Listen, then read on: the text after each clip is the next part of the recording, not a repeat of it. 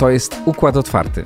Nazywam się Igor Jankę i zapraszam do podcastu, w którym razem z moimi gośćmi będę opowiadał o Polsce i świecie. Na początek kilka słów. Dlaczego to robię i jaki ten podcast będzie?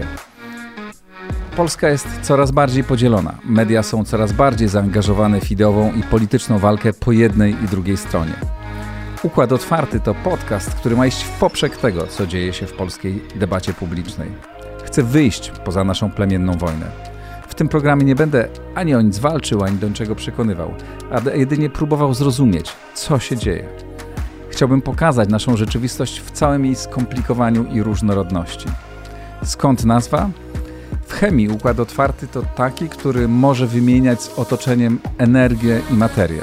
W tym programie będziemy wymieniać między sobą wiedzę płynącą z różnych stron.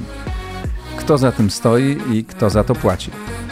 Układ otwarty to tylko ja, Igor Jankę i moi współpracownicy. Nie ma żadnego innego właściciela czy ukrytego sponsora. W programie nie będzie żadnych ukrytych treści marketingowych, ani biznesowych, ani politycznych. Pierwsze odcinki będę finansował sam z własnych oszczędności, a to, czy program się utrzyma, zależy od Państwa, od tego, czy będziecie chcieli słuchać i czy znajdzie się grupa osób gotowych wspierać ten projekt. Ten podcast jest dostępny za darmo ale można zostać partnerem Układu Otwartego za pośrednictwem serwisu patronite.pl już dziś. Jeśli po wysłuchaniu tego czy kolejnych odcinków uznacie Państwo, że warto wesprzeć ten program, serdecznie zapraszam. Będę wdzięczny za wszelkie uwagi i komentarze. Mój adres mailowy to igor.jankę małpa układotwarty.pl. Piszcie, jestem bardzo ciekaw Waszych uwag. No to zaczynamy. Dziś w Układzie Otwartym o pedofilii w Kościele porozmawiam z Tomaszem Terlikowskim, o dziennikarstwie i rewolucji w mediach z Dariuszem Rosiakiem, twórcą raportu o stanie świata i Krzysztofem Stanowskim, e, twórcą kanału sportowego i portalu weszło.com. O polskiej polityce wschodniej porozmawiam z Jerzym Haszczyńskim, szefem działu zagranicznego Rzeczpospolitej, a o tym, jak zmienia się nasze podejście do imigrantów ze strategiem politycznym Tomaszem Karoniem. Na koniec o polskim futbolu. Dlaczego nie jest na takim poziomie jak polska gospodarka? Z Bogusławem Leśnodorskim, byłym prezesem Legii Warszawa i współwłaścicielem tego klubu.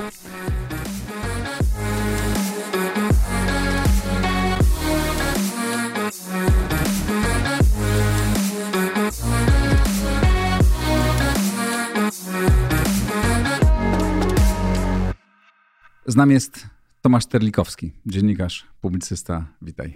Witam serdecznie, witaj. Za kilka dni zostanie opublikowany raport komisji dotyczącej Dominikanina Pawła M., komisji, której ty przewodzisz. E, jaka jest atmosfera w kościele wokół pracy tej komisji, tego raportu i w ogóle wokół problemu pedofilii? Jeżeli chodzi o y, komisję, której ja przewodzę, czyli jest mhm. Komisja do Spraw y, Pawła M., to jest y, zupełnie Ten inna sprawa. przypadek, tak. Tak, to jest zupełnie inna sprawa, dlatego że tu nie mamy do czynienia z pedofilią. To jest mhm. coś, z czym w Kościele dopiero zaczynamy się mierzyć. W Kościele w Polsce jesteśmy absolutnie na początku drogi, bo to jest przemoc nie tylko seksualna, ale również seksualna wobec osób pełnoletnich, wobec tak zwanych bezbronnych, zależnych dorosłych czyli osób, które z jakichś powodów są zależne od y, hierarchy, od charyzmatycznego duszpasterza, od przywódcy grupy, bo to może być również osoba świecka, ale o bardzo takich specyficznych, sekciarskich cechach. I to jest dokładnie taka sprawa. To znaczy, tym Kościół zajmuje się od i ma świadomość tego problemu na Zachodzie od lat kilku, najdalej kilkunastu. Takie najgłośniejsze sprawy na Zachodzie dotyczące e, tych problemów to jest sprawa braci Filip, e, ojców e, Marii Dominik Filipa i ojca Toma Filipa, francuskich dominikanów, założyciel, jeden z nich był założycielem no, jednej z takich najbardziej dynamicznych instytucji wspólnoty świętego Jana, Zgromadzenia Męskiego i Żeńskiego i on wykorzystywał podczas spowiedzi kierownictwa duchowego siostry zakonne założonego przez siebie instytutu, a także kobiety, które były od niego zależne. Jego brat, ojciec Thomas Filip, współzałożyciel e, wspólnoty L'Arche razem z Jeanem Vanier, Wykorzystywał również dorosłe kobiety, także takie, które podlegały jego kierownictwu duchowemu. I trzecia osoba to jest właśnie Jean Vanier, któremu postawiono dokładnie te same zarzuty. To jest osoba świecka, pamiętajmy, nie, nie duchowny. Takich historii jest więcej, to też trzeba mieć tego świadomość, ale w Polsce tak naprawdę poza sprawą sprzed bardzo wielu lat, e, czyli sprawą z początku lat 2000, sprawą arcybiskupa Juliusza Peca, który wykorzystywał także osoby pełnoletnie, czyli kleryków e, Ale i młodych księży. E, z tego co wiemy, nie ma oskarżeń wobec Peca dotyczących mhm. pedofilii. Mamy oskarżenia wyłącznie, oskarżenia potwierdzone ostatecznie przez Stolicę Apostolską dotyczące osób od niego całkowicie zależnych, czyli kleryków i księży. To w przypadku Makarika mamy sytuację, w której on przez lata był oskarżany o wykorzystywanie seksualne osób dorosłych i wykorzystywał je, a takim gwoździem do jego trumny okazało się oskarżenie potwierdzone i udowodnione wykorzystania seksualnego osoby niepełnoletniej czy małoletniej, bo ten chłopiec miał w momencie wykorzystania 13 czy 14 lat, później był potem przez wiele lat dalej wykorzystywany. I to jest jakby nowa zupełnie sprawa. Jak ona się toczy? No za chwilę będzie publikacja raportu, wtedy będzie można o nim rozmawiać. Wszystko na to wskazuje, że będzie. Atmosfera jest niełatwa, dlatego że trzeba sobie powiedzieć, że wymaga to od instytucji, które zmagają się z tym problemem, zmierzeniem, zmierzenia się z czymś zupełnie nowym, także w przestrzeni świeckiej. Uświadomienie sobie na przykład, że gwałtem jest również wykorzystanie władzy i przez władzę doprowadzenie do współżycia seksualnego, że gwałtem jest również wykorzystanie autorytetu duchowego. Jest taki wyrok sądu izraelskiego jeden z liderów, przywódców e, sekty hasyckiej, e, grupy hasyckiej, tak może lepiej powiedzieć, no, współżył ze wszystkimi członkinami swojej wspólnoty. One deklarowały, że robiły to dobrowolnie, ale sąd po przeanalizowaniu specyfiki tej grupy, grupy zamkniętej, związanej z konwersją, związanej z wielogodzinnymi modlitwami, związanej z przekonaniem, że jej lider jest bezpośrednim głosem Boga i że co wszystko, co on mówi, jest tak naprawdę głosem Boga, sąd uznał, że tam nie było zgody, nie mogło być zgody, ponieważ one były od niego całkowicie uzależnione. I świadomość, że istnieje taki problem, jest także w przestrzeni świeckiej, pamiętajmy, nie tylko kościelnej, trudny. Na to się nakłada jeszcze rozmaicie motywowana także religijnie przemoc, która jest potężnym problemem w różnych instytucjach kościelnych. Nie mówię tylko o przemocy fizycznej, ale również psychicznej i duchowej. I to wszystko powoduje, że oczywiście no, bywa różnie. Natomiast ja sam mogę powiedzieć, że jeśli chodzi o dostęp do dokumentów, do, do e, świadków i do e, braci dominikanów, bo to kwestia dotyczy zakonu dominikańskiego, to jakby nie było żadnych problemów. A to też jest specyficzne, specyficzna część polskiego kościoła, tak, bo moje pytanie dotyczyło, było bardziej ogólne E, dotyczyło ja w ogóle tego, jak się zmienia... Dominikanów jest dokładnie taki hmm. sam jak polski kościół. To jest fikcja okay. i mit, że jest jakoś zasadniczo lepszy, bardziej otwarty, bardziej postępowy czy odmienny. To jest bardzo dobry wizerunek, który mają Dominikanie, okay. ale nic więcej. Okay.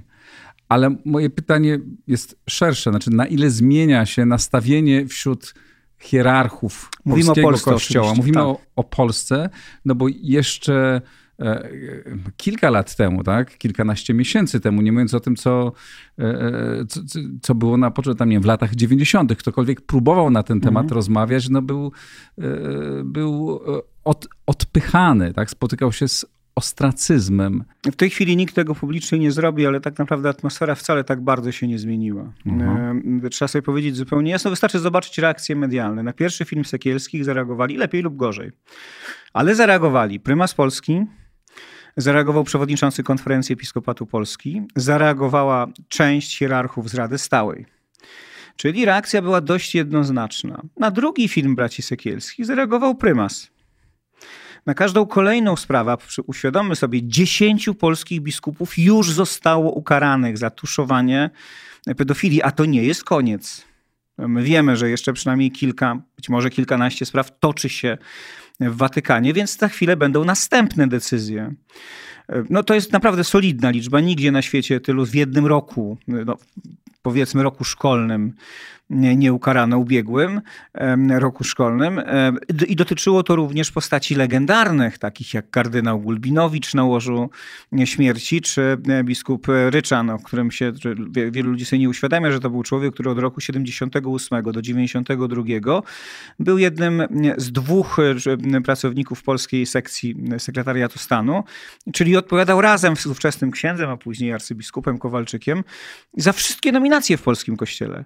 E, to była potężna postać, więc takich postaci mamy więcej. Więc i, i, i reaguje na wszystkie te informacje. Jeśli w ogóle ktoś reaguje, to reaguje prymas jako delegat, Czasem e, biskup Muskus pomocniczy, czasem biskup e, Galbas pomocniczy, a poza tym mamy milczenie. Dlaczego? Taki przeciętna, przeciętna średnia, średnia polskiego polskie, kościoła. Jeżeli chodzi o przeciętną średnią polskiego kościoła, to osób zajmujących się tym problemem, realnie chcącym je zmieniać, jest tyle, że zmieściłyby się w jednej, najwyżej w dwóch windach. Takich trochę większych.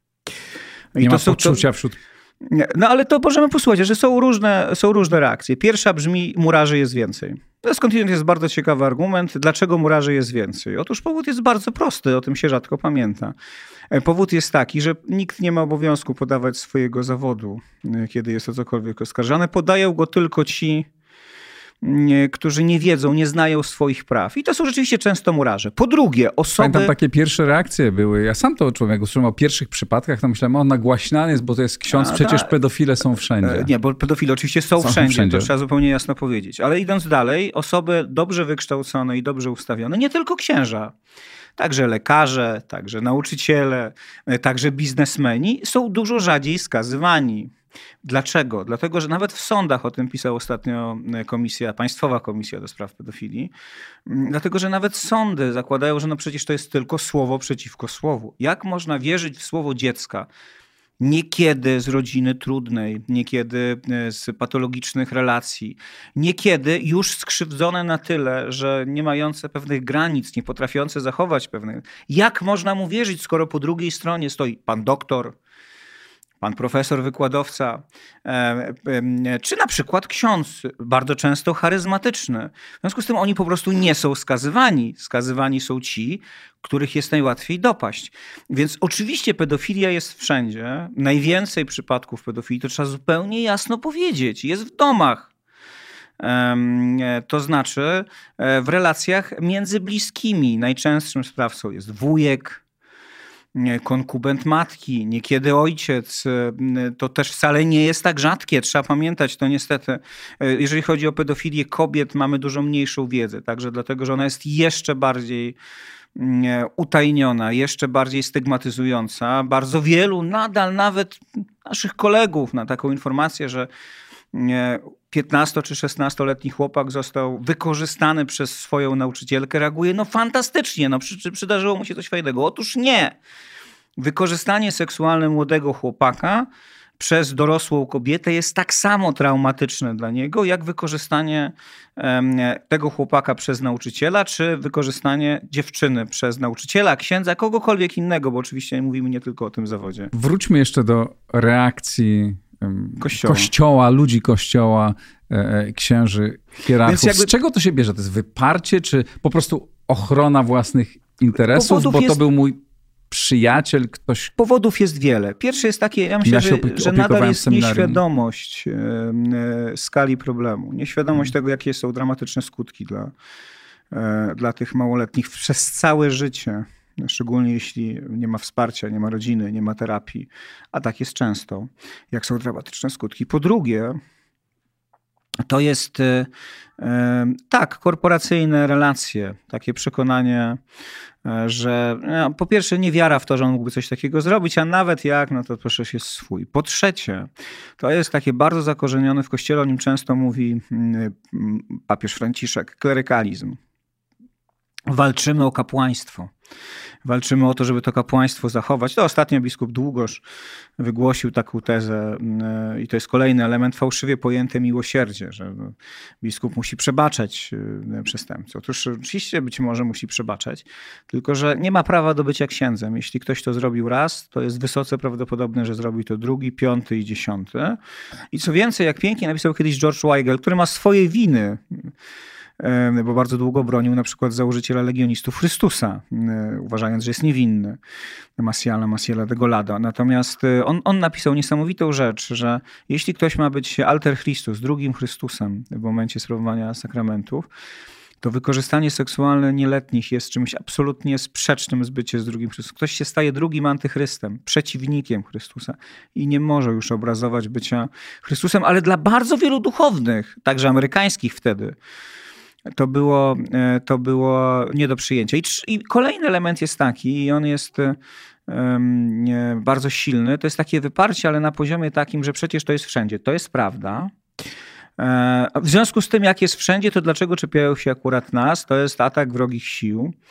Ja powiem w ten sposób. Oczywiście y, to jest tak, że media, które nie lubią Kościoła na całym świecie wykorzystują tą broń przeciwko Kościołowi. To jest prawda, ale gdyby problemu nie było, nie mieliby czego to nie mieliby czego wykorzystywać. Y, a poza tym to jest też sprawa i powinna być sprawa istotna po prostu dla katolików. Dlaczego? Dlatego, że y, murarzom, piekarzom, czy innym grupom nie powierzamy naszych dzieci e, na wychowanie, na, do formacji. E, nie musimy im ufać. Jest wszystko jedno, co robi murarz. Co więcej, murarze nie stanowią mm, grupy, której jak ktoś wykorzysta jakiś murarz na jakiejś budowie, jakieś dziecko, to go potem przenosimy na drugie miejsce. Natomiast też, żeby powiedzieć coś pozytywnego, bo ja mówię teraz o emocjach. Właśnie, na ile chciałem zapytać się też, na ile się, czy rośnie grupa księży, ludzi kościoła, którzy rozumieją, że potrzeba. Rośnie, ale wciąż jest to mniejszość. Musi być. Rośnie, duża. ale w Polsce to jest wciąż mniejszość. Mhm. Natomiast mhm. jeśli mamy powiedzieć, co się zmieniło realnie, mhm. to zmieniły się procedury reagowania. Mhm.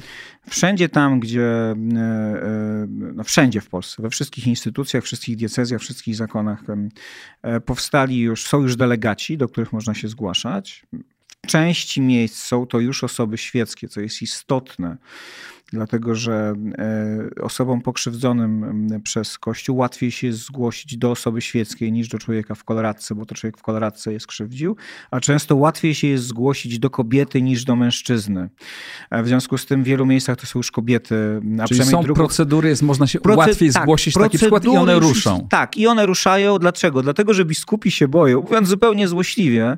Część jest oczywiście świadoma problemu, ale część się boi, że jak nie zadziałają, to w tej chwili prawo już już działa w ten sposób, że to jest moment. Po roku są przenoszeni e, na emeryturę, czy po półtora roku, nawet za sprawę sprzed wielu lat, a co dopiero za zatajenie ich w tej chwili. Więc to już działa. E, to jednak brzmi przerażająco, co mówisz, że większość ludzi Kościoła dalej nie ma takiej potrzeby, żeby zareagować, nie ma poczucia, że dzieją się rzeczy, że nie, działy się rzeczy straszne i że to jest nasza odpowiedzialność. Ma poczucie, że dzieją się rzeczy straszne, bo jest atakowany Kościół. No tak, w tym sensie, ale nie, że, że Kościół, ludzie Kościoła Nie, znaczy no jeden bardzo znany ksiądz profesor, ja przez sympatię do niego pominę jego nazwisko, komentował informację o tym, że jakiś duchowny wykorzystywał 16-17-latki, komentował w ten sposób, że cóż w tym takiego dziwnego, wielu jego kolegów księży poznało swoje żony na katechezie właśnie w takim wieku i teraz jest z nimi, ożeniło się z nimi i prowadzą szczęśliwe życie.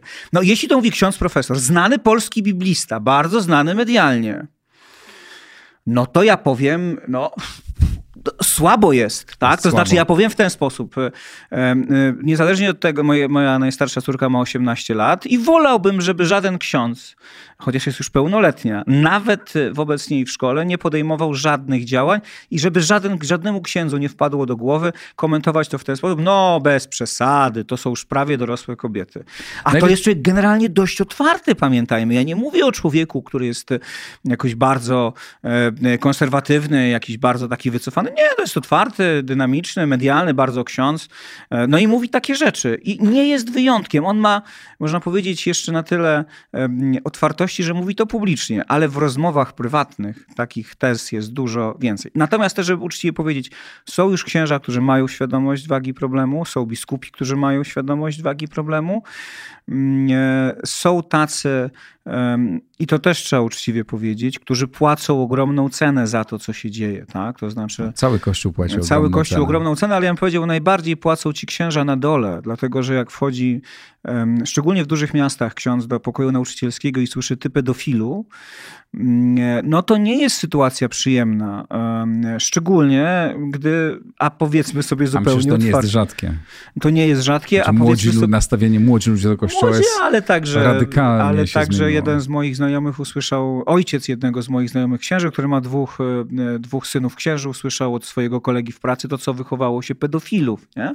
I teraz e, oni nawet jak mają świadomość, to tego typu reakcje powodują w nich często silny mechanizm obronny. On jest zrozumiały i tylko naprawdę ludzie mocno samoświadomi, tacy świadomi też tego, co się wydarzyło tak naprawdę. W Polsce znamy wierzchołek góry lodowej. Jesteśmy na początku procesu.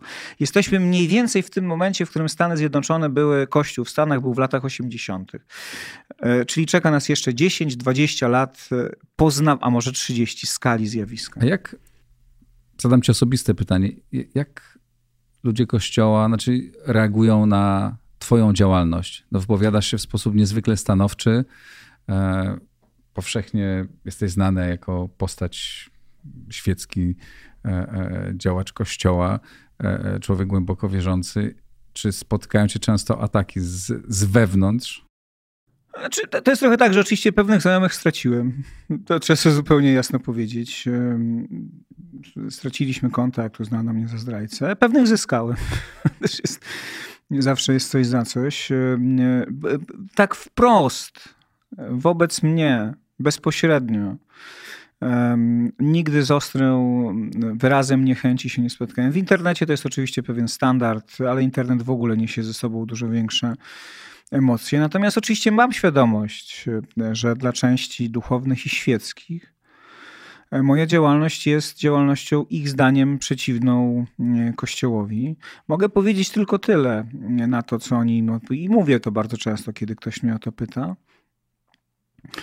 że ten proces i tak się dokona. Jeśli nie będą w nim uczestniczyć ludzie Kościoła, to on się dokona przeciwko Kościołowi, a nie dla Kościoła. E, I dalej mówię, że oczywiście mam świadomość, że akurat w Polsce ta debata, chociaż to się już zmienia też medialnie, uczciwie trzeba powiedzieć, ale początkowo dotyczyła głównie Kościoła, pomijając kompletnie edukację, e, sport i inne miejsca. Mówię, to się zmienia. Mieliśmy ostatnio kilka bardzo mocnych publikacji dotyczących na przykład wykorzystania seksualnego niepełnoletnich w sporcie przez trenerów. E, bardzo mocne, czy wcześniej mieliśmy sprawę z Poznania chórzystów e, męskich, no to już jakiś czas wcześniej, ale mówię, no być może to już tak czysto religijnie, być może Pan Bóg pozwala nam najpierw przejść przez e, czyściec, e, e, po to, żebyśmy mogli za 20-30 lat być tym głosem, który jest głosem wszystkich pokrzywdzonych. Dlatego, że jeśli poważnie potraktować dane, to jakiejś formy wykorzystania seksualnego różnego typu może podlegać nawet jedna trzecia dziewcząt, czyli potem dorosłych kobiet. Jedna trzecia, trzecia. dziewcząt. I jedna czwarta chłopców. E, to są kolosalne dane. I to są rzeczy, które mają wpływ na całe, na całe, na całe życie. życie. I ja tylko jedną historię powiem. Pamiętam rozmowę z pewnym człowiekiem, on mnie zaprosił na rozmowę, ja zupełnie świadomie nie mówię, kto to był, ani nikt taki. E, to jest e, dobrze prosperujący biznesmen, garnitur, też powiedzmy samorządowiec, garnitur, krawat, żona, dzieci. Super, wszystko fantastycznie funkcjonuje, dopóki rozmawiamy na tematy różne, polityczne, społeczne. I nagle on zaczyna opowiadać swoją historię z wieku 15 lat, że poszedł do księdza, był z rodziny katolickiej, kilkoro dzieci, żeby mu pomóc przy przygotowywaniu prezentów dla dzieci na pierwszą komunię. On mówił, nawlekałem medaliki na łańcuszki. I nagle ksiądz położył mi rękę na kroczu. Ja się poderwałem, wybiegłem, pobiegłem do mamy. Mama zareagowała, ksiądz został przeniesiony na inną parafię. Niektórzy mogliby powiedzieć, no w zasadzie cóż takiego się stało? Ale ja widziałem, jak on mówił. W momencie, w którym zaczynał mówić, wrócił do wieku 15 lat, ręce zaczęły mu się trząść, spocił się, zaczął mówić, zaczął się jąkać i mówić jak przerażony 15-latek. E, a co jeśli by poszło dalej? Tam e, ten, e, ten ksiądz dalej jest księdzem, to też trzeba mieć tego świadomość, tak? To znaczy ta sprawa została zgłoszona, ale nic się takiego, znaczy przeniesiono go na inną parafię, a księża z tej parafii przychodzili do matki i mówili, skrzywdziłaś z synem księdza. Aż trudno w to wierzyć, że, że taki ksiądz dalej jest księdzem, ale na koniec chciałbym cię zapytać o to, czy twoim zdaniem proces gwałtowny proces laicyzacji e, i zmiany cywilizacyjnej, który w ogóle zachodzi na świecie, który niezależnie od tego problemu gigantycznego pedofilii i tak się toczy. Tak, e, tak się zmienia świadomość e, ludzi, sposób myślenia o, o religii, o religiach. Inaczej wyglądają nasze ulice, inaczej wygląda nasze życie publiczne. I na to jeszcze nałożyła się ten gigantyczny problem pedofilii i wyparcia go, bo to jest najgorsze. Kościół wy, wy, wypiera to. Czy ty w ogóle wierzysz, że ten proces laicyzacji jest y, do zatrzymania e, i czy to za dwa lata kościoły, nie za 20 lat, tylko za dwa lata kościoły będą puste? To, czy co do tego, że w Polsce proces laicyzacji jest na tym etapie nie do zatrzymania, nie mam żadnych wątpliwości. To znaczy na wielu poziomach podniesienie e, poziomu naszego życia, e, radykalne podniesienie. To jak porównujemy czasy naszej młodości e, i, i czas obecny, to trzeba powiedzieć, jesteśmy nowoczesnym zachodnim społeczeństwem. Przynajmniej w dużych miastach, bo oczywiście Polska jest nadal podzielona. Ale jeżeli to porównamy do Ukrainy na przykład, to cała Polska jest na poziomie o wiele wyższym niż Ukraina. To jest przepaść. Po drugie, rzeczywiście jesteśmy już społeczeństwem zglobalizowanym. Kultura masowa dotyka szczególnie ludzi młodych. Ludzie młodzi są już zlaicyzowani jak ich zachodni koledzy. Jeśli chodzi o ludzi młodych, to ich w kościołach już nie ma, a nie, nie będzie za dwa lata. A do tego jeszcze słyszą o tym, że ci, tak, którzy a do tego, a do tego jest mają bardzo, duchowo uczyć, popełniają tak bardzo potworne dobre zbrodnie. uzasadnienie tego, co się już dokonało bardzo często. A czasem jest to rzeczywiście szok i, i, i zmierzenie się z tą prawdą powoduje na stałe lub na chwilę odejście. Ale po pierwsze, ja bardzo nie lubię tezy o determinizmie dziejowym, to znaczy to, że coś się teraz dzieje i będzie się działo przez najbliższe lata, nie musi oznaczać, że będzie się działo zawsze. Koniec XVIII wieku, historycy to wiedzą doskonale, Polska była, jeśli chodzi o elity, zlaicyzowana kompletnie, a jeśli chodzi o dół, czyli o chłopstwo, było po prostu pogańskie, no, ochrzczone, ale pogańskie. I no, zajęło to wprawdzie około 100 lat e, i działalności kilkudziesięciu bardzo i różnych, i świeckich, i duchownych, bo to Bogdan Jański, to Edmund Bojanowski, ale to również e, osoby konsekrowane, Marcelina Darowska, czy e, ojciec Piotr Semenenko, fascynująca historia, bo to Rusin, ochrzczony w kościele katolickim, bo nie było innego księdza w pobliżu, ale dziadkowie Kalwini, rodzice prawosławni, a on mason w młodości, nawraca się potem świeckiego Bogdana Jańskiego.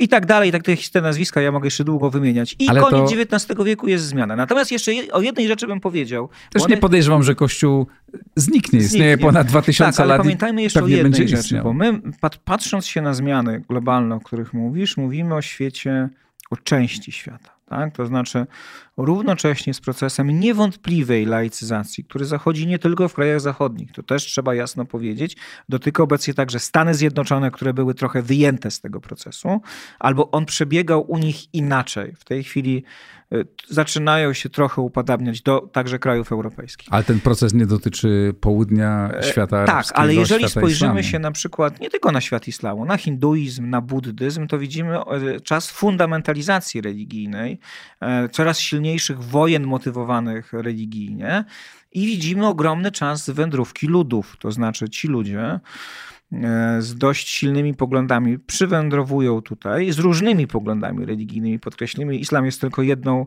z religii. W pierwszym pokoleniu zazwyczaj chcą bezpiecznie żyć. Tyle. To oczywiście przyjeżdżają A też wiem, co się dzieje w kolejnych pokoleniach. Ale najbardziej dzieje się w trzecim pokoleniu, tak. bo drugie pokolenie zderza się ze ścianą, sufit, ze szklanym sufitem i trzecie wraca, ale nie do religii ojców, tylko do takiej wersji pop, która niekiedy, choć nie zawsze, łączy się z przemocą. Więc powiedziałbym, radykalnym laicyzatorów uspokajam, że E, nie wiem, czy uspokajam, czy wręcz przeciwnie, Chyba że przeciwnie. te procesy są dużo bardziej skomplikowane e, i że to nawet widzimy w młodszym pokoleniu. Michał e, Kędzierski pisał to rok temu. Poza procesem laicyzacji młodzieży widzimy również proces tego, że ci, którzy zostają w kościele, bardzo często się utwardzają, fundamentalizują, przyjmują takie bardzo twarde postawy, które wbrew pozorom, z takiej perspektywy socjologicznej, wcale nie są zupełnie odmienne. To jest ta sama reakcja, to jest odmienna reakcja na to samo zjawisko. Wiara słabnie, więc mogę wybrać albo po prostu E, letnienie i odejście, albo takie e, radykalne utwardzenie się, żeby mi nic nie przeszkadzało w tej wierze. Ale jeśli to jest irracjonalne, to prędzej czy później skończy się jako niewiara. Tego przykładem już kończę. Jest proces na południu, tak? E, globalne południe, na przykład Ameryka Łacińska. Ona się dekatolicyzuje, ale to nie znaczy, że się laicyzuje. Już w tej chwili są kraje, gdzie połowa połowa albo niemal połowa obywateli to są ewangelikalni protestanci albo zielonoświątkowcy. I teraz można by powiedzieć z perspektywy religijnej, e, tak religioznawczo, a nie teologicznie, to wszystko jedno przecież, tak. Ale bardzo często jest tak, że po takiej radykalizacji charyzmatycznej po jakimś czasie przychodzi chłodnięcie i ci ludzie wypływają już w ogóle z przestrzeni wiary i stają się obojętni religijnie. I ten proces również tam widzimy. Tak czy inaczej, e, przyszłość Kościoła, tak krótko i średnioterminowa, nie wygląda w bardzo jasnych e, barwach. Dziękuję Ci, Tomku, Dziękuję bardzo, bardzo za rozmowę. Tomasz Terlikowski.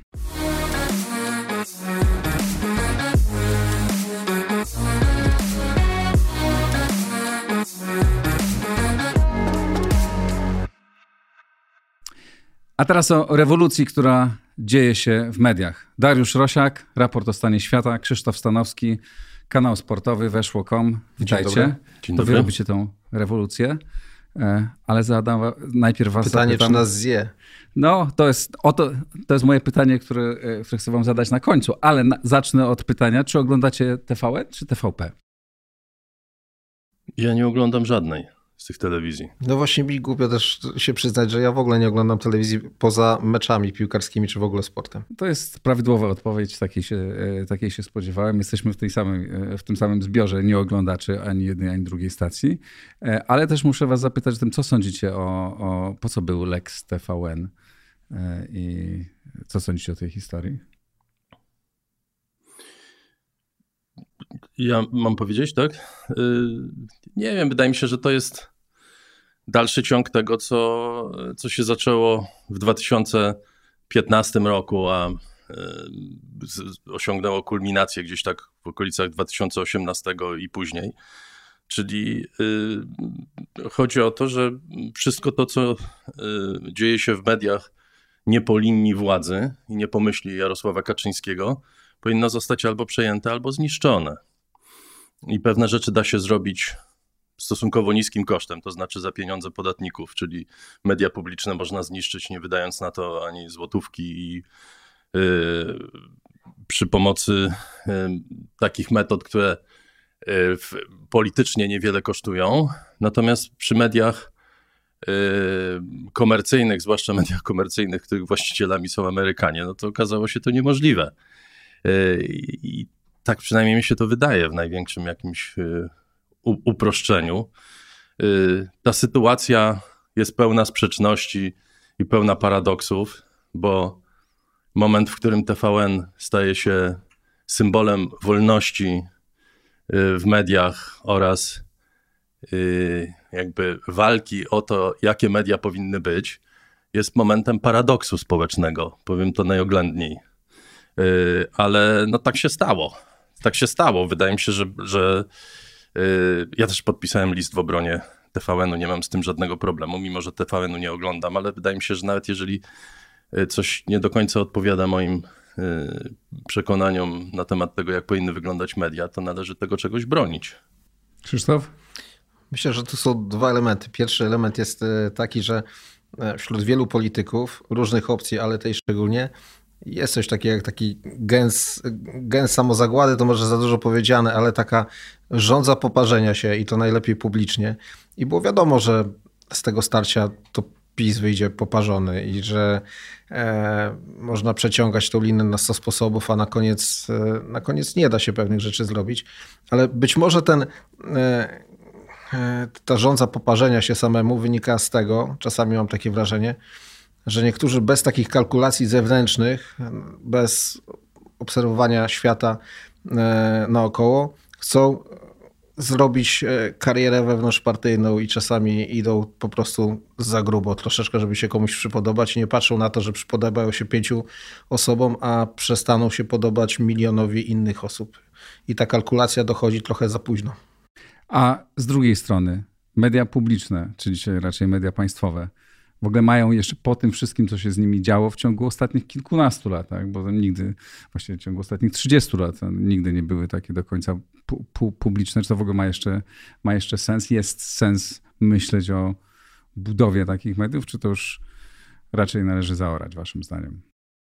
No jest sens myśleć o budowie mediów publicznych, ale nie w takiej formie, w jakiej one w tej chwili istnieją. Ja, ja się wychowałem na mediach publicznych i moim zdaniem to, co robię do tej pory, to są media publiczne ale y, nie, nie, nie wyobrażam sobie, żeby w takim systemie instytucjonalnym, w jakim istnieje Polskie Radio i Polska Telewizja, można było stworzyć media niezależne od polityków. 30 lat.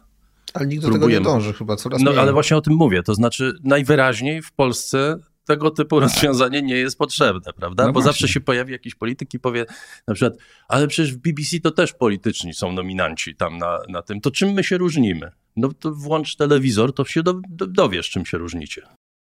Mniej więcej to tak wygląda. Nie jest, o tyle, nie jest o tyle yy, no, głupio się wypowiadać na ten temat, bo mam program w TVP Sport. Uważam, że yy, takie stacje tematyczne, właśnie jak na przykład TVP Sport, które yy, dostarczają Polakom relacje z największych imprez sportowych. Coś takiego jest potrzebne. Nie możemy zamykać wszystkich tego typu programów w stacjach płatnych, często kodowanych i wymagać od e, ludzi, żeby płacili za oglądanie Igrzysk Olimpijskich czy Mistrzostw Świata, Mistrzostw Europy. No, dostęp do. Ja przepraszam, jestem dziennikarzem sportowym, więc trochę spłycam ten temat. Wiem, dostęp do takich rzeczy powinien moim zdaniem istnieć i moim zdaniem TVP Sport robi świetną robotę. Co do e, innych, że tak powiem, odnóg tej samej organizacji, E, no jestem trochę sceptyczny. E, natomiast mm, no tak, no jestem trochę sceptyczny. Ja tylko dodam, ja powiedziałem o tym, że jestem przeciwny mediom publicznym w takiej formie, w jakiej one w tej chwili istnieją. Nie jestem, nie wydaje mi się, że, że, że słuszna by była rezygnacja z misji publicznej, prawda? Być może jesteśmy w stanie stworzyć jakąś formułę, w ramach której no właśnie, takie rzeczy, które są cenne i które są potrzebne, prawda? To tak samo jak pewnych rzeczy z, z, z, kultury nie da się zrobić bez publicznych pieniędzy, bo nikt na to nie, nie wyłoży własnych pieniędzy, bo, na, bo je straci. I jeżeli... Ale ja mam wrażenie, przepraszam, że wejdę słowo, że trochę z mediami publicznymi to będzie tak jak kiedyś z podatkiem VAT. Jak go podniesiono o jeden punkt procentowy e, na rok bodajże, prawda? I tak się bujamy z tym już powiedzmy 10 lat. I mam wrażenie, że tu też nie będzie takiego kroku w tył, bez względu na to, kto będzie tymi mediami zarządzał, że ktokolwiek dojdzie do władzy, powie, dobra, to teraz my, po prostu. Wyobraźcie tak, nie, sobie, polityk, tak będzie. wyobraźcie na, sobie na, polityka, na który powie, nie, nie, ja nie chcę mieć tego narzędzia wpływu na moich sobie. wyborców. Dlatego mówię, dlatego mówię, że w, w, takiej formule, w jakiej to teraz istnieje, czyli polska telewizja, w której szefostwo jest powoływane politycznie i w której e, Wszystkie e, ważniejsze posady od dziennikarskich do administracyjnych są rozdawane przez polityków i Polskie Radio, które działa w ten sam sposób, nie ma sensu. No i Zwłaszcza, tyle. że mówimy o świecie, e, który jest schodzący. E, e, agencja Wavemaker jakiś czas temu zapytała Polaków o medium, bez którego nie mogliby się obejść. Do wyboru było telewizja, radio, prasa, internet. Mm, radio wybrało 5%, prasę 9%, telewizję 12%, internet 67%. Rok temu 67% Polaków, gdyby miał jedno medium, to wybrałoby internet. A spośród zapytanych o to, jaki, jaki kanał na internecie by wybrali, to 23% e, wybrało YouTube, e, Facebook 22, Netflix 17, Onet i WP e, po 8%. Po 8%. Ale troszeczkę ta sonda była zafałszowana, no bo co to znaczy internet? Internet dzisiaj jest i telewizją, i radiem. Oczywiście. E, wszystkie media skupia w sobie tak. internet, więc e, i, i telewizję stacjonarną, stacjonarną też przez internet możemy obejrzeć. Ale oczywiście, nie wiem, pamiętam jak pracowałem jeszcze w gazetach różnych no, 10-15 lat temu, no to cały czas mówiło się o e, śmierci gazet, śmierci papieru. Ten papier jeszcze nie umarł, ale być może tak będzie, że zanim umrze papier, to umrze telewizja prawdopodobnie, znaczy okazuje się, że, że, że te kanały tematyczne jakoś tam, e, e, e, jakoś tam trwają się rozwijają, ale generalnie no, ta zmiana jest, idzie zdecydowanie w jednym kierunku. Teraz inna, inne dane. 30 zeszłego roku, 31 użytkownik, 31% użytkowników internetu, czyli praktycznie wszyscy używają dzisiaj internetu w Polsce, słuchało podcastów. E, czyli 9 milionów Polaków już słucha podcastów. E, to jest w ciągu roku wzrosło to o prawie połowę. Na świecie w 2018 roku było 500 tysięcy podcastów, w 2020 już 1,7 miliona, a dzisiaj doszedł jeszcze jeden.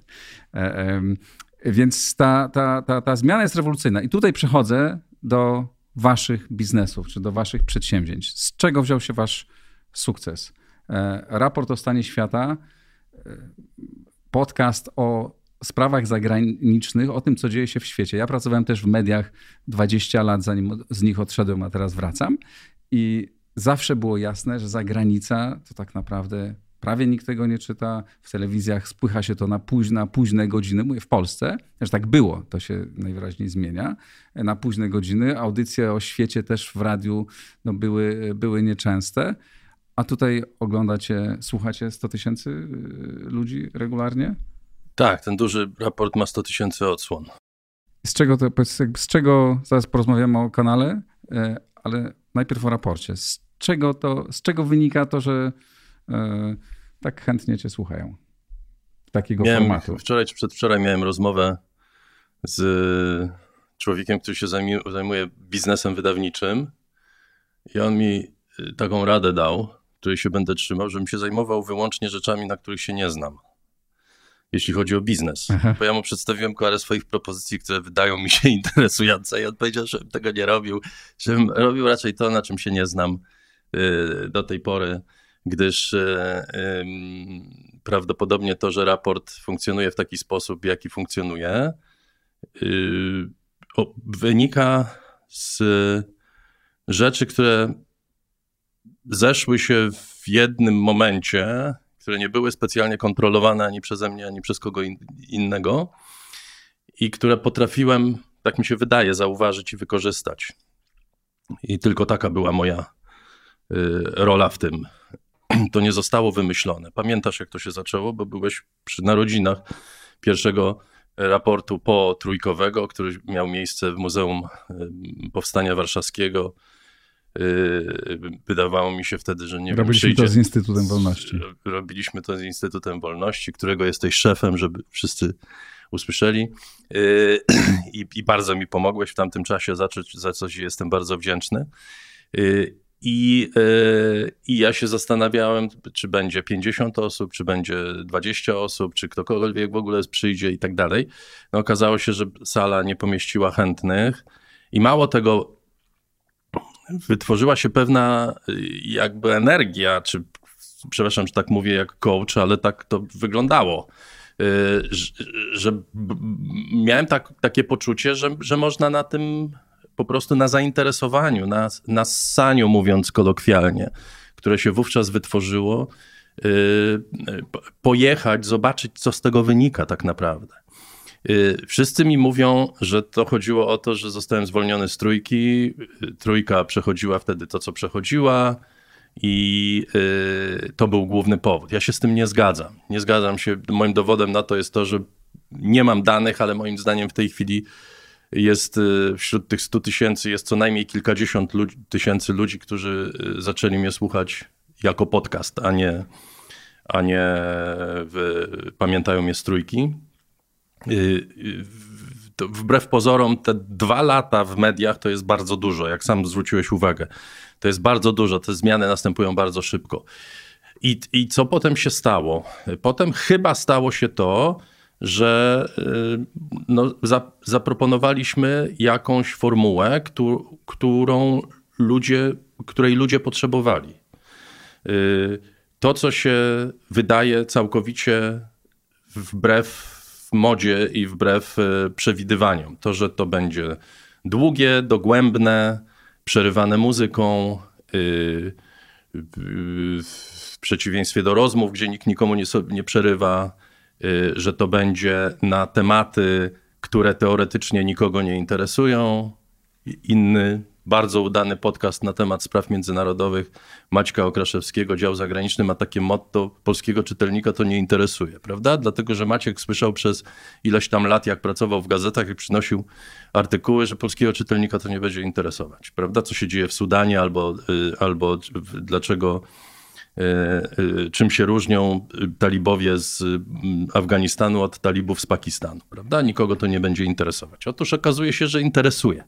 Okazuje się, że y, sposób, w jaki funkcjonują e, te mainstreamowe, nazwijmy to media, czy te media, które, y, które y, mają popularnego odbiorcę, to jest jedna rzecz, a oprócz tego są media, w których te, te tematy znajdują swoich, znajdują osoby zainteresowane i na tym można budować. Druga rzecz, przepraszam, bez kokieterii będę mówił, ale moim zdaniem to chodzi też o to, że tego typu przedsięwzięcie to, to, to jest przedsięwzięcie, w którym albo oddajesz siebie i pokazujesz siebie ludziom takim, jakim jesteś, albo to nie ma sensu. Yy, ze wszystkimi swoimi wadami, ze wszystkimi swoimi zaletami, ze wszystkim tym, co masz.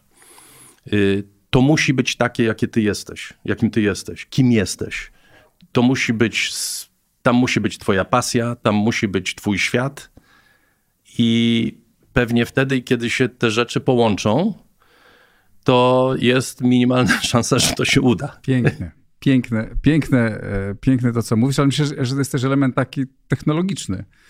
Jak ty miałeś audycję e, w trójce, a nie, zdra- nie, nie jest wielką tajemnicą, że się przyjaźnimy od lat, to ja mówiąc szczerze, rzadko cię słuchałem, bo rzadko słuchałem radia w sobotę o 14. W ogóle nie słucham radia, słucham przypadkowo w samochodzie. Od kiedy masz podcast, słucham go regularnie, bo słucham go wtedy, kiedy sam sobie wybieram go, kiedy biegam, albo kiedy jadę samochodem, albo mam czas i mogę robić coś innego. Nie?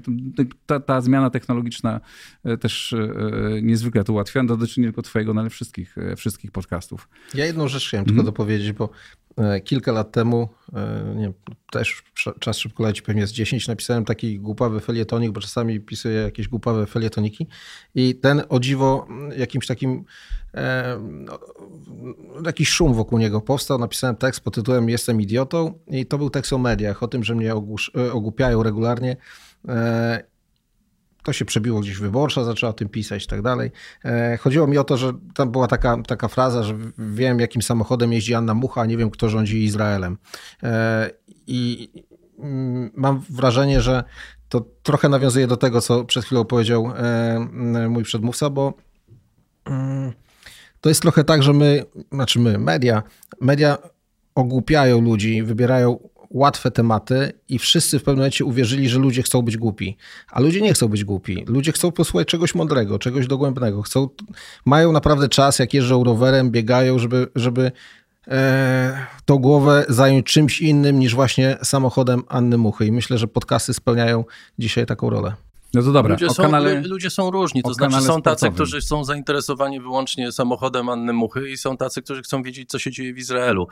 E, I e, to, co pokazuje e, rozwój podcastów, to to, również tych poważnych, nazwijmy to, czy takich, które no właśnie o, o, o, o choćby o sprawach międzynarodowych mówią, że y, dowodzi tego, że jest nieprawdą, że nie da się tego zbudżetować, że ludzie tego nie chcą, że na tym nie można zarobić, że to jest wyłącznie misja, y, y, która nie może być biznesem. No ja zatrudniam w tej chwili sześć osób, które pracują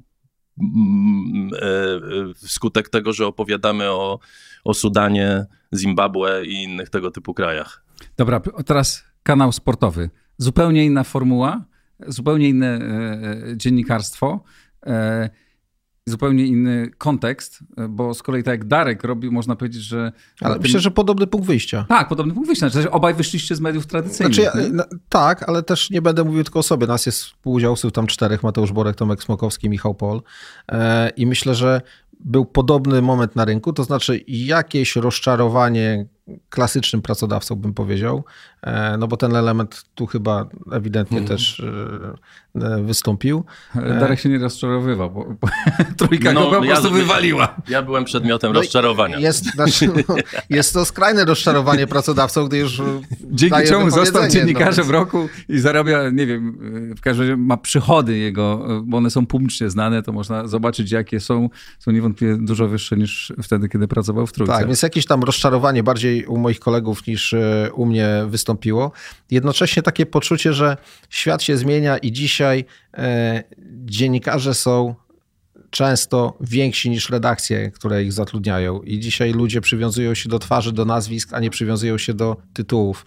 E, I dzisiaj dobry dziennikarz, zresztą nawet słaby dziennikarz, ale po prostu znany dziennikarz, który e, jest w miarę popularny, jest w stanie dzięki mediom społecznościowym zawsze dotrzeć do grupy e, swojej docelowej, do swojej grupy, no, szumnie nazwijmy to fanów i ich poinformować, gdzie w danej chwili można się z nim ale chciałem cię zapytać zapoznać. O, o jeden aspekt, ponieważ e, udarka to jest tak, że tego tych programów o świecie w polskich mediach jest niewiele, więc można powiedzieć, że owszem, grupa docelowa nie jest zbyt szeroka, ale, ale konkurencja no, jest słaba. W Twoim przypadku, w przypadku sportu, no przecież tych programów sportowych jest 5 tysięcy i co więcej, w co drugim występujecie wy, e, czy występowaliście, nie? W każdym razie e, jeszcze dalej, dalej e, występujecie. No każdy kanał, duża stacja telewizyjna ma swoje programy sportowe, one są niezłe.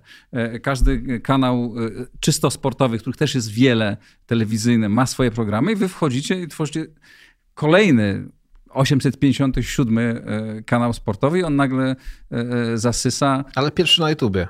Pierwszy na YouTubie. Tak jak mówiłeś, że nie słuchałeś e, podcastu, e, nie słuchałeś audycji radiowych, bo po prostu nie słuchasz radia, e, tak wiele osób nie ogląda programów telewizyjnych, bo nie ogląda telewizji. My byliśmy pierwsi na YouTubie na tą skalę, no bo powiedzmy na YouTubie też były różne programy o sporcie, ale nie było nikogo, kto by zrobił po prostu na YouTubie profesjonalną pro, może nie profesjonalną telewizję, ale programy o sporcie w, w telewizyjnej jakości.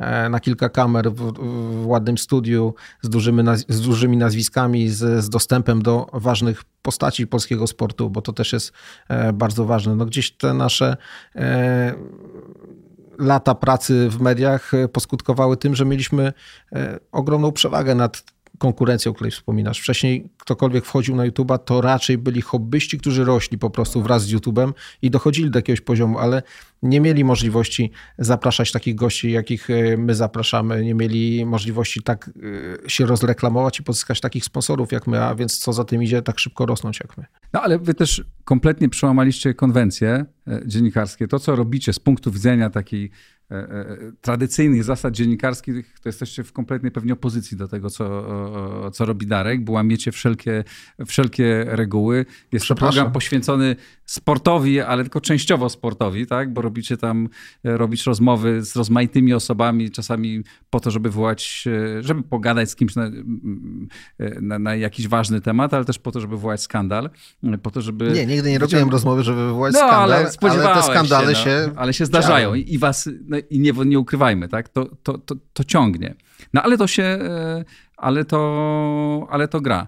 To nazwałbyś to dalej dziennikarstwem? To, co robisz, jesteś, czujesz tak w 100% to jest dziennikarstwo, czy to jest dziennikarstwo, rozrywka, nie wiem, no, zaczynamy o jakichś wielkich słowach rozmawiać. Nie wiem, czy to jest dziennikarstwo. No, wydaje mi się, że ciągle są to, jeśli nie dziennikarstwo, to obrzeża dziennikarstwa na pewno. Oczywiście czasami podchodzi to pod e, rozrywkę, bo też no, sport to jest rozrywka jako ja taka. Tego nie ja oceniam. Pejoratywnie bym tego nie traktował. Natomiast e, czy dynamiczna rozmowa, w której okej, okay, jest się w jakiejś tam opozycji do, do drugiej osoby i, i podłącza się do tego widzów czy też e, słuchaczy, czy to nie jest dziennikarstwo? No chyba jest. Widziałem w telewizji mnóstwo programów, gdzie prowadzący jest na kontrze ze swoim gościem, a czasami jest jeszcze publiczność, która dostaje mikrofon do ręki i zadaje pytanie. To nie wymyśliliśmy przecież niczego nowego tak naprawdę. Nie, to prawda że robicie fantastyczne akcje, e, znaczy, akcje znaczy, nigdy, nie słyszałem, nigdy nie słyszałem takiego zarzutu wobec e, programu telewizyjnego, że, że ktoś tam się na wizji pokłócił, a jeszcze publiczność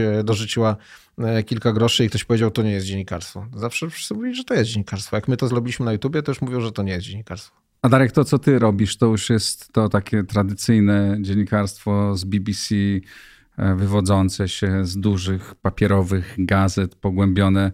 To już jesteś takim ostatnim Mohikaninem, czy twoim zdaniem to, Słuchaj, to wcale jest, to nie jest, wymiera, wiesz, tylko właśnie tworzą się nowe miejsca do tworzenia? Możemy tego? sobie dokonać analizy mediotwórczej. Jak masz ochotę, zaproś jakiegoś profesora z, z, z, uniwersytetu i powie, czy to jest dziennikarstwo, czy nie. Nie wiem. Jak chcesz, to może, może, możesz mnie nazywać A to, co my robimy? A to, co my robimy, jest to jest jedno.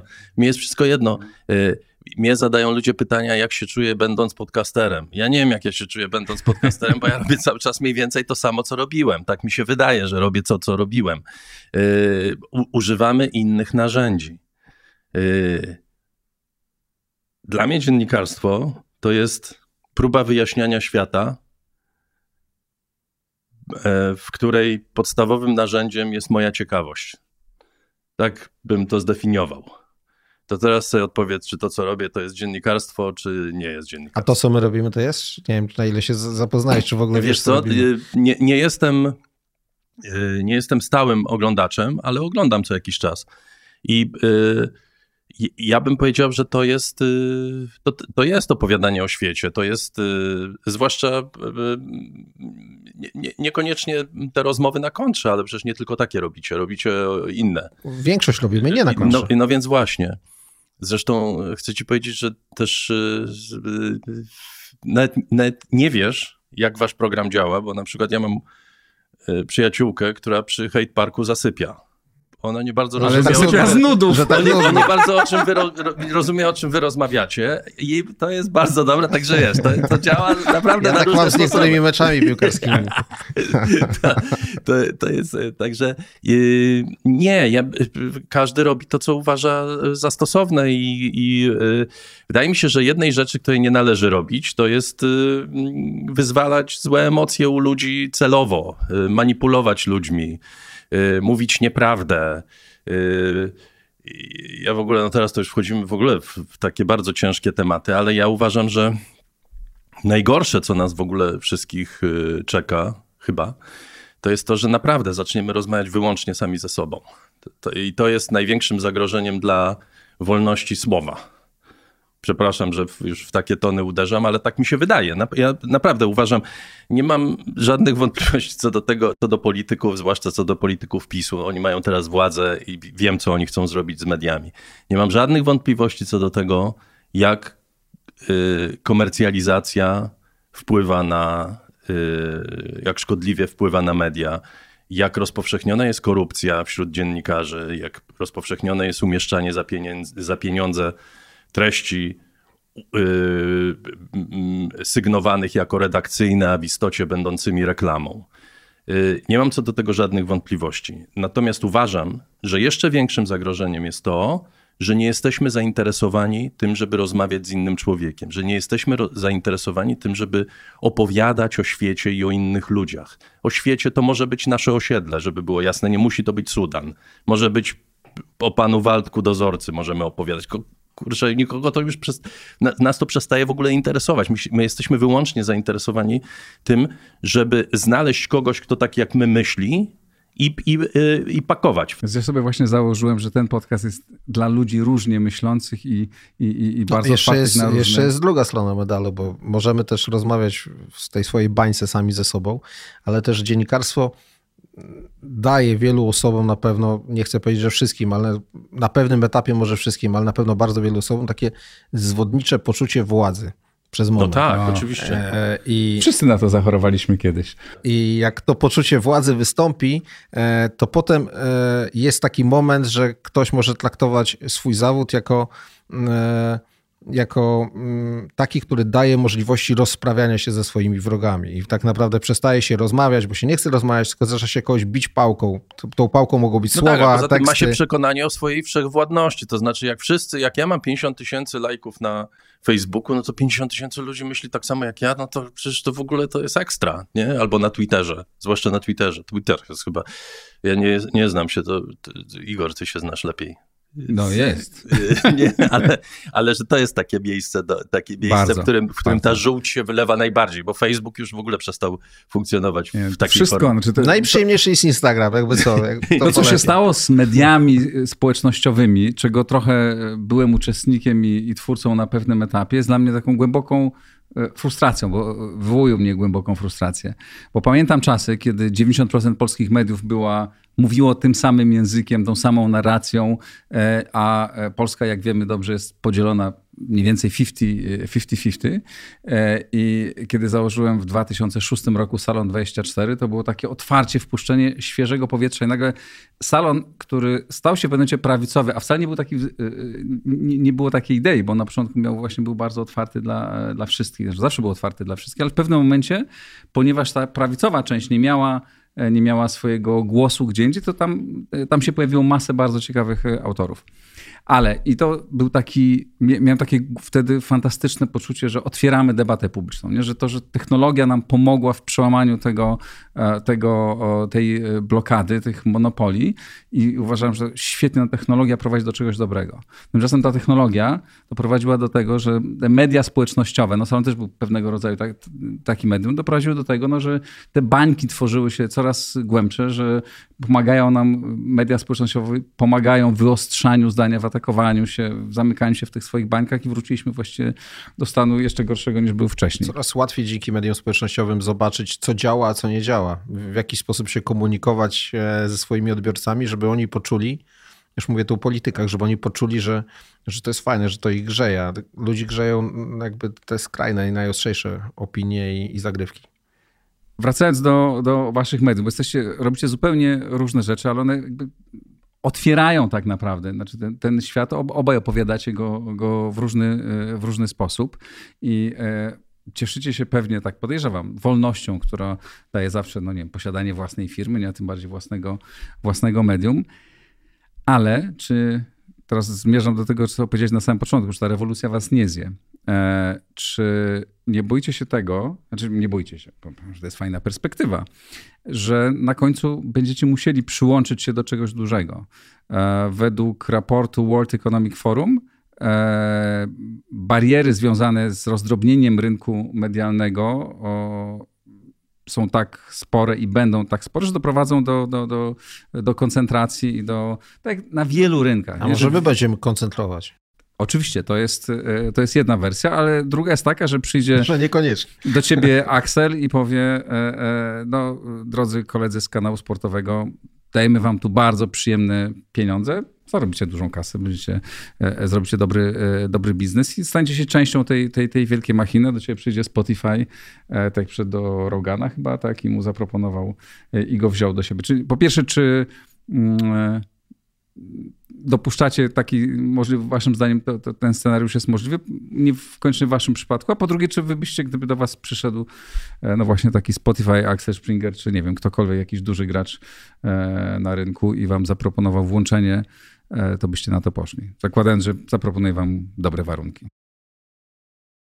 Nie wiem. Nie mam takiej znaczy, propozycji dzisiaj. W moim, wypadku, w moim wypadku myślę, że to jest po pierwsze niemożliwe, bo bo nie bardzo sobie to wyobrażam. Nie bardzo wyobrażam sobie, kto mógłby przyjść i na jakiej zasadzie mógłby, że tak powiem, przejąć raport o stanie świata. Także nie, nie, nie wydaje mi się to prawdopodobne.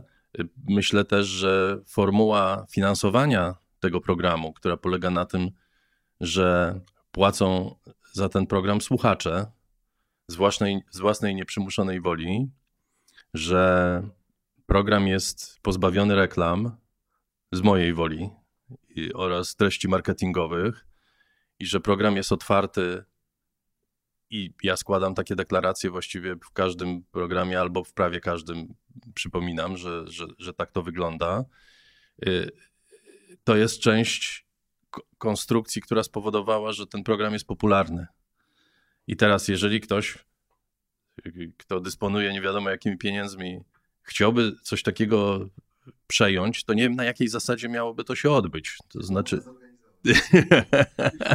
Kanał sportowy cię super, na, napędzie drogą kupna, super, mój drogi. Super. Yy, poza tym, kto miałby to prowadzić, kto miałby w tym pracować yy, i tak dalej, i tak dalej. Także... Nie, no, myślę, że, pomysł, myślę że, że, jak no mówisz, że, dawaj, że nie, nie wyobrażasz sobie, jak to miałoby wyglądać, no przecież to nie będzie tak, że Spotify będzie monopolistą e, na rynku treści audio przez. E, już nie jest monopolistą, ale też nigdy nim nie będzie. Myślę, że będą nowe platformy powstawały popularyzują się platformy do e, odsłuchu książek, także różnych. E, one też potrzebują swoich koni pociągowych, machin, które, e, które dadzą im zasięgi, rozpoznawalność, pewien prestiż. No i, i raport o stanie świata jest z pewnością czymś, co taki prestiż może przynieść takiej platformie, więc jakby sposobów monetyzacji takiej dodatkowej na pewno jest dużo.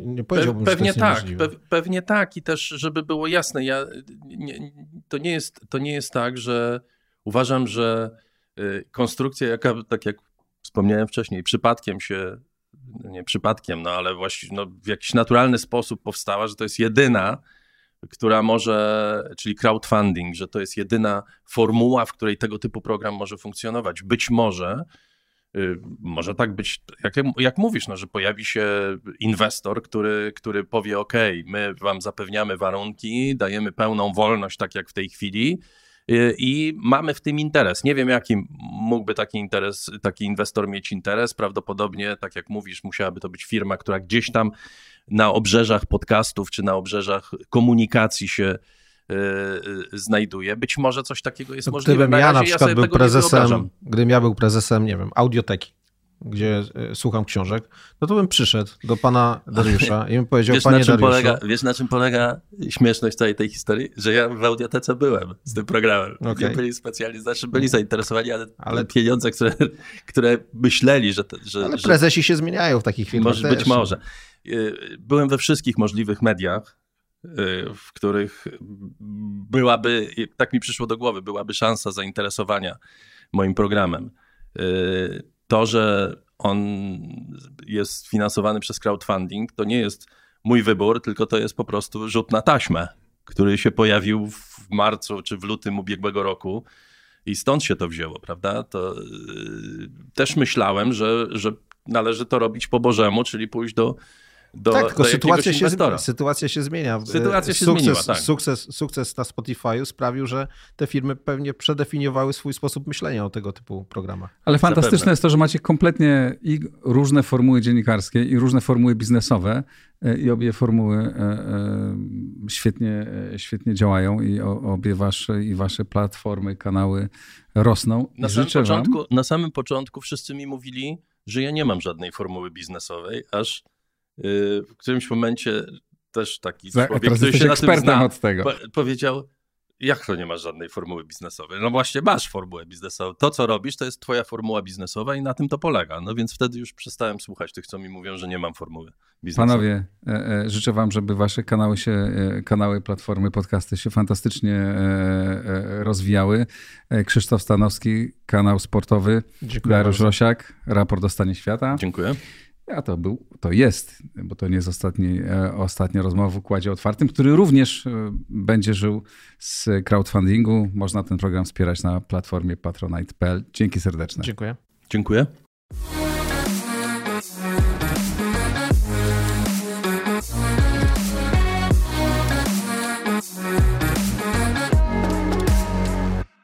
Trwa napięcie na granicy polsko-białoruskiej kolejny kryzys e, w relacjach e, z tym naszym wschodnim sąsiadem. Ukraina jak zawsze w trudnej e, sytuacji. Z Rosją jak zawsze mamy źle. Chciałbym więc, żebyśmy porozmawiali o, o naszej polityce wschodniej z Jerzym Haszczyńskim, szefem działu zagranicznego Rzeczpospolitej. Dzień dobry, Jurku. Jurek, czy Twoim zdaniem zarzuty, które często padają ze strony krytycznych publicystów albo, albo opozycji, że Polska od lat nie ma spójnej polityki wschodniej, są e, słuszne? pierwsze pytanie, czy w ogóle ma politykę wschodnią, a dopiero potem czy swój. No. Mm, mi się, się wydaje, że w programie y, wyborczym PiSu ostatnim w ogóle nie było takiego określenia jak polityka wschodnia. Y, czyli być może trochę w tym y, zarzucie jest treści. To nie znaczy, że, że w innych punktach dotyczących polityki zagranicznej nie ma, nie ma polityki wschodniej, ale myślę, że częściowo wynika to z tego, że PiS się skupia na sprawach wewnętrznych i na e, walce z zachodnią częścią e, Europy. A po drugie, że od czasów, kiedy specjalnością Polski, czy tym, co nam się wydawało, że jest specjalnością Polski, e, ta polityka wschodnia, to, to po prostu wschód się tak zmienił, że czujemy, że jesteśmy bardzo, bardzo bezradni. No w założeniach tak... mam wrażenie, one zawsze były takie same, tak? Czyli cały czas ta idea Giedroycia, wspierajmy wszelkie tendencje prozachodnie e, e, na wschodzie, nie ma wolnej, bezpiecznej Polski bez wolnej Białorusi, Litwy i Ukrainy. One się nie zmieniały, tylko sytuacja w tych krajach zmieniała się e, diametralnie. I pytanie, czy ktokolwiek, bo to moje pytanie nie jest tyle o rząd PiSu czy, czy rząd poprzedniej Platformy, tylko w ogóle o, o polską politykę. Czy w tej sytuacji, która jest w ostatnich latach, mamy w ogóle jakąś możliwość manewru? Czy z Białorusią mogliśmy, żebyśmy, zacznijmy od Białorusi, no bo tu jest gorąco dzisiaj, czy mogliśmy grać inaczej? Łukaszenka jest ponad ćwierć wieku przywódcą i testowane były wszystkie rodzaje polityki. Była i, i marchewka, i bat, i wszystko się kończyło mniej więcej e, tak samo. Oczywiście są różne niuanse. Jak się używa marchewki, to nie trzeba od razu mówić, że jest to szalenie miły, ciepły człowiek, ten Łukaszenka, prawda? Jak mówił były marszałek e, Senatu, ale generalnie wydaje mi się, że niewiele tutaj mogliśmy ugrać. E, po prostu wszystkie karty w ręku trzyma albo Łukaszenko, albo jego sponsorzy e, z Kremla. Jest nawet gorzej, mianowicie już chyba w tej chwili wszyscy mają świadomość, że wybór geopolityczny Białorusi jest ostateczny. To znaczy, że Białoruś jest e, w militarno-politycznym sojuszu z Kremlem i tego nikt, no dający się przewidzieć przyszłości, ja nie wiem co będzie za nikt nas nie chce za 50 czy 100 lat, ale dający się przewidzieć przyszłości, to się po prostu nie zmieni. Rosja ale tego nie, taka, nie odpuści. Taka sytuacja jest e, od dawna, tylko no, ten, ten sojusz był albo bardziej bliski, albo, albo mniej. Tylko tego bardziej byli świadomi e, Białorusini, nawet opozycja, e, niż ludzie Zachodu, także my. To znaczy, przypominam, jak było po poprzednich, w ostatnich wyborach czy pseudowyborach prezydenckich w zeszłym roku y, i tyle ludzi wyszło na ulicę, setki tysięcy, to, to w Polsce nawet, która i tak całkiem nieźle orientuje się w sprawie tego, co się dzieje na Białorusi, Przecież bardzo poważni ludzie zadawali pytanie, czy to się wyrwie z tej opresji, z tego, z tego uścisku rosyjskiego, bo ta opozycja jest taka sama jak my, to są tacy sami ludzie Zachodu, też im się to należy, żeby trafić do instytucji zachodnich. Przecież były takie tezy, prawda? Tak. No ale na przywódcy tej opozycji takich haseł nie ogłaszali, bo wiedzieli, że one są nierealistyczne i odkładali je na przyszłość, a nie będą mieli raczej szansy zadać pytania narodowi, czy chce na Zachód. To, czy w tej sytuacji, pomijając ten to bardzo... Smutne oczywiście to, co mówię, ale realistyczne myślę. Czy w obecnej sytuacji, pomijając ten bardzo bieżący kryzys dotyczący tej grupy, e, grupy uchodźców i, i planów e, czy działań Łukaszenka związanych z wysyłaniem uchodźców do, do, do sąsiednich zachodnich czy e, zachodnich krajów, czy my możemy czy mamy jakąkolwiek możliwość manewru? Czy nasza, powinniśmy prowadzić jak najbardziej twardą politykę, wspierać wszelkie ruchy opozycyjne, licząc na to, że któregoś dnia doprowadzą one do, jednak do, do, do upadku Łukaszenki, czy po jego, po jego odejściu, które kiedyś nastąpi w końcu, no, żeby mieć jakichś swoich ludzi, czy ludzi zaprzyjaźnionych, patrzących prozachodnio, czy lepiej jednak szukać kanałów komunikacji e, z Łukaszenką, mimo że dziś wydaje się to kosmicznie trudne? Najlepiej byłoby to połączyć. Tak, kosmicznie trudne jest znalezienie kontaktu z Łukaszenką i myślę, że równie trudne, chociaż nie wiem, czy trzeba będzie używać określenia e, związanego z kosmosem, może być z tym jego następcą, który być może się pojawi. Może Łukaszenko naprawdę chce oddać władzę, oczywiście komuś przez niego, wybrane, komuś przez niego wybranemu i akceptowanemu mm, przez Kreml.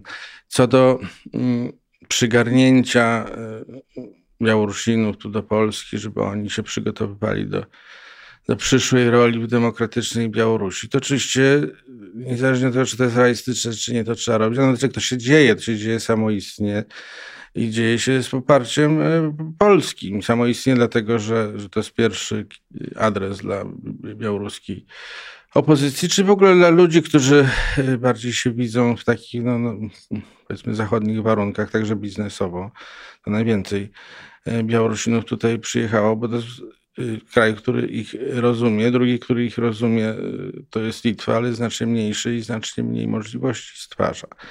Także to się dzieje, natomiast czy to kiedyś zaowocuje? No trzeba tak działać, jak pewnie w latach 50. Polacy jechali i już jako staruszkowie w latach 90. wrócili. Może coś włożyli do Polski. Daj Boże, żeby tak, e, żeby tak było. Żeby Chociaż 40 lat tutaj Białorusi, zwracam uwagę. E, tak, no, żeby ci liderzy Białorusi, e, białoruscy, którzy dzisiaj są w Polsce, którzy wyjeżdżają stamtąd, żeby mogli, żeby mogli tam wrócić wcześniej niż za 40 lat. Ale to samo pytanie... Nie, wrócić to być może tak, ale oczywiście... Ale wrócić po to, żeby tworzyć demokratyczny, wolny, w miarę demokratyczny, normalny normalny no, kraj, który z nami współpracuje i który jest naszym jakimś partnerem. To samo pytanie dotyczące Rosji, chociaż właściwie domyślam się odpowiedzi. Czy mamy dzisiaj jakiekolwiek e, możliwości, e, możliwości manewru? Czy te zarzuty dotyczące tego, że obecna władza, tu już mówię o obecnym rządzie, prowadzi bardzo ostrą antyrosyjską retorykę, że to jeszcze utrudnia naszą sytuację.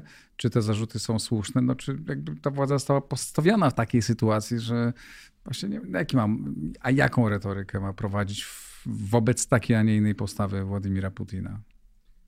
No, ta władza jest po prostu związana, ma ręce związane tym, że wrak y, tu polewa leży tam, gdzie spadł i to decyduje właściwie o wszystkim. Tutaj nie było żadnego polityka rosyjskiego już od niepamiętnych czasów. Wydaje mi się, że ostatni to był 5 czy 6 lat temu minister kultury, już były minister kultury Miediński. Akurat wtedy nawet miałem okazję z nim e, robić wywiad. Mm, autor zresztą takiej politycznej, antypolskiej książki o 1612 roku. Mm, literacko, nawet nie najgorszej.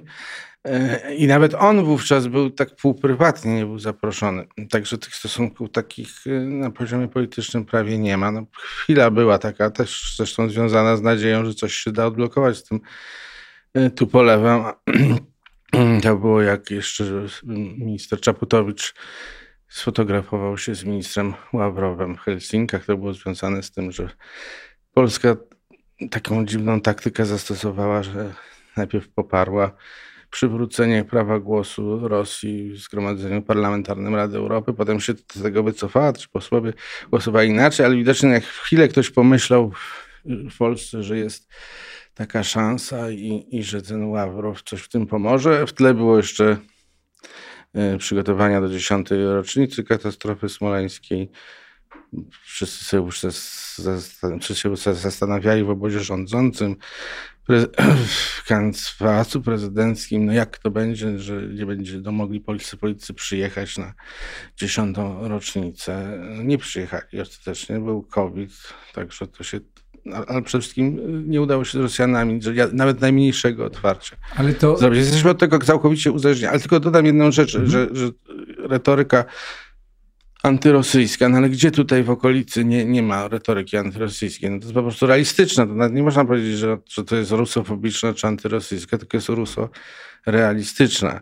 E, mogą sobie Portugalczycy czy Irlandczycy inaczej do tego podchodzić, chociaż moim zdaniem akurat Portugalczycy i Irlandczycy na tle innych zachodnich krajów, czy tego starego zachodu, tutaj zachowują się bardzo e, przy, przyzwoicie. Natomiast mm, No jak, jak można to, do tego podchodzić, jak się widzi, że Rosja co chwilę przekracza y, jakąś granicę? No tak, to jest jasne, że my sami nie mamy y, dzisiaj możliwości manewrów w bilateralnych e, e, relacjach, ale czy możemy, moglibyśmy być bardziej aktywni, albo czy jest twoim zdaniem jakieś pole do, do gry z innymi partnerami? Znaczy, przez całą Unię to niespecjalnie w to wierzę, ale chociażby przez Niemcy. E, no, dzisiaj z Ameryką mamy kiepsko, ale Niemcy prowadzą normalną politykę z Rosją, czego można to potępiać, pochwalać, ale to, to jest fakt. Viktor Orban e, prowadzi politykę e, z Rosją. No, mamy być może pośredników, których moglibyśmy wykorzystać. Czy to jest, e, czy to Twoim zdaniem jest możliwe? Ale do nawiązania bliższych stosunków to, to, z Rosją, prowadzenia jakiejkolwiek, gry, jakiejkolwiek gry, gry z Rosją. No to chyba w jakiejś ostateczności, bo gdyby tak było, to przynajmniej tego Orbana byśmy jakoś wykorzystali. Myślę, że tutaj, jeżeli chodzi o Orbana, trzeba powiedzieć jedną bardzo ważną E, rzecz. Mm, polityka Orbana, w ogóle polityka węgierska wobec Rosji jest absolutnie sprzeczna z naszym strategicznym interesem. I można się tam oszukiwać, że w jakichś kwestiach Orban jest naszym przyjacielem i nam pomaga, czy rząd tak może myśleć. Natomiast w momencie, kiedy doszłoby do jakiejś kryzysowej sytuacji, naprawdę Unia Europejska by się zachwiała i nie byłoby pewności, czy dzisiejsze granice się utrzymają, no to Węgry są po drugiej stronie. Są w obozie całkowicie nam przeciwnym. Tego do końca nie wiem, jak, jak nigdy nie wiem, jak to będzie w ostateczności, no ale to samo no, wspierają, być, wspierają Niemcy... ruchy autonomiczne w sąsiednich państwach, także na Ukrainie. E, i zajmują nawet w kryzysowych momentach stanowisko prorosyjskie zagrażające bytowi nawet państwa ukraińskiego. To jest zagrożenie też dla Polski fundamentalne. Podobne różnice mamy z Niemcami w kwestii polityki, polityki rosyjskiej, więc tu... No tak, ale trudno liczyć na to, żeby Jarosław Kaczyński mógł poprosić Angelę Merkel, żeby nam coś Dzisiaj załatwiła. Trudno. Porozmawiajmy przez chwilę o, o, o Ukrainie. E, o tym kolejnym ważnym elemencie e, e, polskiej polityki wschodniej. No, też padały pod adresem obecnej ekipy zarzuty, że była zbyt pasywna, że nie zdołaliśmy doprowadzić do tego, że jesteśmy udziałowcem tego grupy normandzkiego, tego formatu normandzkiego. No, ostatnio wydaje się, że ta aktywność y, na linii z Kijowem jest, y, jest większa. E, gdzie Twoim zdaniem tu jest pole do, do, do zwiększenia naszej aktywności, czy do polepszenia naszej współpracy?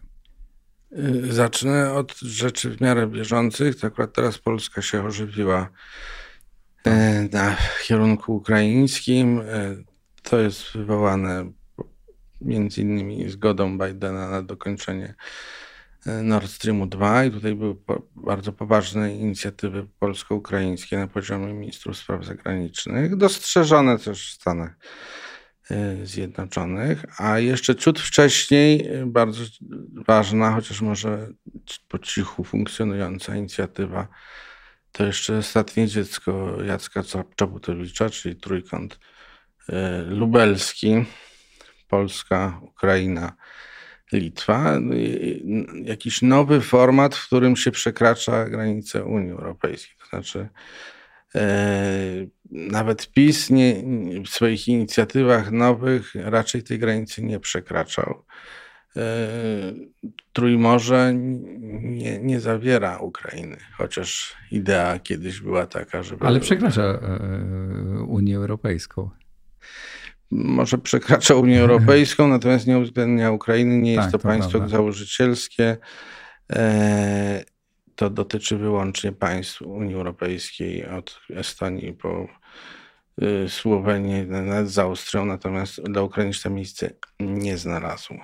Natomiast jeżeli chodzi o format normandzki, no to to, to się już wydarzyło przy poprzednim rządzie, że, że się nie znaleźliśmy wśród państw, które wspierają Ukrainę najbardziej, e, przynajmniej politycznie, dyplomatycznie. Pytanie, czy to nie zależy przede wszystkim od samej Ukrainy? No, jak najbardziej. Pytanie, co możemy, czy jakby to było wynik naszego, naszego zaniechania, naszych błędów, naszej położenia zbyt dużego nacisku na politykę historyczną, która z wiadomych powodów wywołuje bardzo duże napięcia po, po obu stronach. Czy to jest wynik całkowicie, mm, piłka jest po stronie, po stronie Kijowa? Myślę, że to było w bardzo gorącym momencie i Ukraina postawiła na tych, którzy jej się wydawali silni. E, trzeba było działać szybko, trzeba było powstrzymać postęp wojsk rosyjskich, czy przebranych wojsk rosyjskich za separatystów. I dlatego się zdecydowali. Myślę, że w tym wszystkim jest jeszcze jedna rzecz, która może nie będzie popularna, jak ją wygłoszę. Myślę, że hmm, Polska jako państwo, które najbardziej dążyło do tego, żeby e, przepchnąć Ukrainę na drugą stronę ze swoim projektem partnerstwa e, wschodniego, no może trochę przegrzała. To może należałoby się choć dzisiaj po tylu latach przyjrzeć temu wszystkiemu, jakie są korzyści z tego i czy, czy po prostu to, że Ukraina ma tak niski, e, niski poziom życia, to, że straciła znaczną część terytorium, to, że traci mnóstwo ludzi, którzy muszą wyjeżdżać do pracy za granicą, nie jest trochę wynikiem tego, że Polacy różne rzeczy obiecywali, ciągnęli, a nie było dla tego prawdziwego poparcia na Zachodzie. Przede wszystkim nie było dla tego finansów, a w momencie, kiedy doszło do odpowiedzi rosyjskiej, to widać było, że wszyscy się ukryli gdzieś i, i już na pewno nie byli zdolni do tego, żeby Ukrainę naprawdę wesprzeć. Czy uważasz, że byliśmy początkowo zbyt aktywni, że nie wiem, nie e, zbyt wyrywni w uznaniu niepodległości Ukrainy też jako Nie, to za daleko. Ja mówię wyłącznie o tym, uznaliśmy. O, mówię wyłącznie o tym, co się działo na początku lat 2000, kiedy Rosja była po prostu słaba. Władimir Putin był, ale był inny nie pokazał jeszcze kłów i pazurów i wydawało się, że to jest realistyczne przyciągnięcie Ukrainy i może nie tylko Ukrainy do obozu zachodniego, do instytucji zachodnich jest możliwe. To jest zarówno w wymiarze militarnym, czyli do NATO, to był szczyt w Bukareszcie w 2008 roku kluczowy dlatego, Możemy jeszcze o tym porozmawiać. No i jakaś obietnica członkostwa w Unii Europejskiej, umowa stowarzyszeniowa, umowa o wolnym handlu, y, na którą Rosja zareagowała tak, jak zareagowała, czyli aneksją Krymu i rozpętaniem wojny w Donbasie i to się sączy do dzisiaj. To prawda. Pytanie tylko, czy to jest zarzut wobec nas, że myśmy byli zbyt ofensywni, czy raczej zarzut wobec y, Zachodu, że nie był bardzo konsekwentny w tym, bardziej konsekwentny y, i za gestami politycznymi nie szły, nie szły realne kroki. No, ale to, ale to Polacy chodzili, to Polacy fotografowali się z flagami na Majdanie, to Polacy tam jeździli, to trzej najważniejsi politycy tego tysiąclecia w Polsce mieli pełne usta obietnic i zapewnień, że nie wyobrażają sobie Unii Europejskiej bez Ukrainy. Wszyscy najważniejsi, Kwaśniewski, Kaczyński, Tusk. E, no i myślę, że ktoś kiedyś się nad tym zastanowi, czy, czy warto było. Znaczy, czy Ukraińcy się zastanowią. Z tego, co wiem, chociaż nie obserwuję e, sondaży, e, tak dokładnie ukraińskich, takie taki zawód Europą, to tam wzrasta rozczarowanie. No zapewne. E, trudno się dziwić, że e, e, trudno się dziwić takim emocjom. Podsumowując, gdyby minister spraw zagranicznych cię zapytał, co dzisiaj powinniśmy zrobić, robić w relacjach i z Ukrainą, i z Białorusią, i z Rosją, no, całe szczęście nie, nie mam takiej funkcji. E, reaguję, nazwijmy to analitycznie czy komentarzowo na, na konkretne wydarzenia. E, jak ja bym tutaj zaczął snuć jakieś wizje, że sobie właśnie nie wyobrażam świata cywilizowanego bez e, tych państw, łącznie z Rosją, to co, co by z tego wynikło? Trzeba moim zdaniem piękno duchostwa troszeczkę unikać, dawka realizmu się przyda. Może moim zadaniem jest takie, takie trochę smędzenie i pokazywanie słabych stron. E, miejmy nadzieję, że będziemy mieć okazję, żeby porozmawiać też o bardziej optymistycznych e, jakichś jaskółkach nadziei ze strony wschodu, kiedy one się pojawią e, i niech się pojawią. Dziękuję Ci bardzo. Jerzy Szczęski był moim gościem. Przypominam, że słuchacie Państwo podcastu Układ Otwarty. Jeśli chcielibyście zostać partnerem Układu Otwartego, zapraszam na stronę patronite.pl. Zaczyna się nowy, gorący sezon polityczny. Jest ze mną Tomasz Karoń, strateg polityczny, badacz rynku, który pracował dla SLD, PiSu, Platformy, PSL-u, Nowoczesnej, praktycznie dla wszystkich. Czym będziemy żyli w polityce w najbliższych tygodniach? Dzień dobry, witaj Tomku. Witam. Co z tych wydarzeń, o których mówiłem, będzie miało w najbliższych tygodniach największe znaczenie dla odbiorców? Powiem tak, no, y, kwestia migracji bez wątpienia gdyby zdominuje tak naprawdę debatę. O tym będzie się rozmawiało dużo, tym bardziej, że e, to jest zupełnie inna sytuacja niż w 2015 roku. Wówczas e, mieliśmy, tak powiem, pewien pomysł, proces tak naprawdę nadzorowany przez Unię, tak naprawdę, związany z relokacją.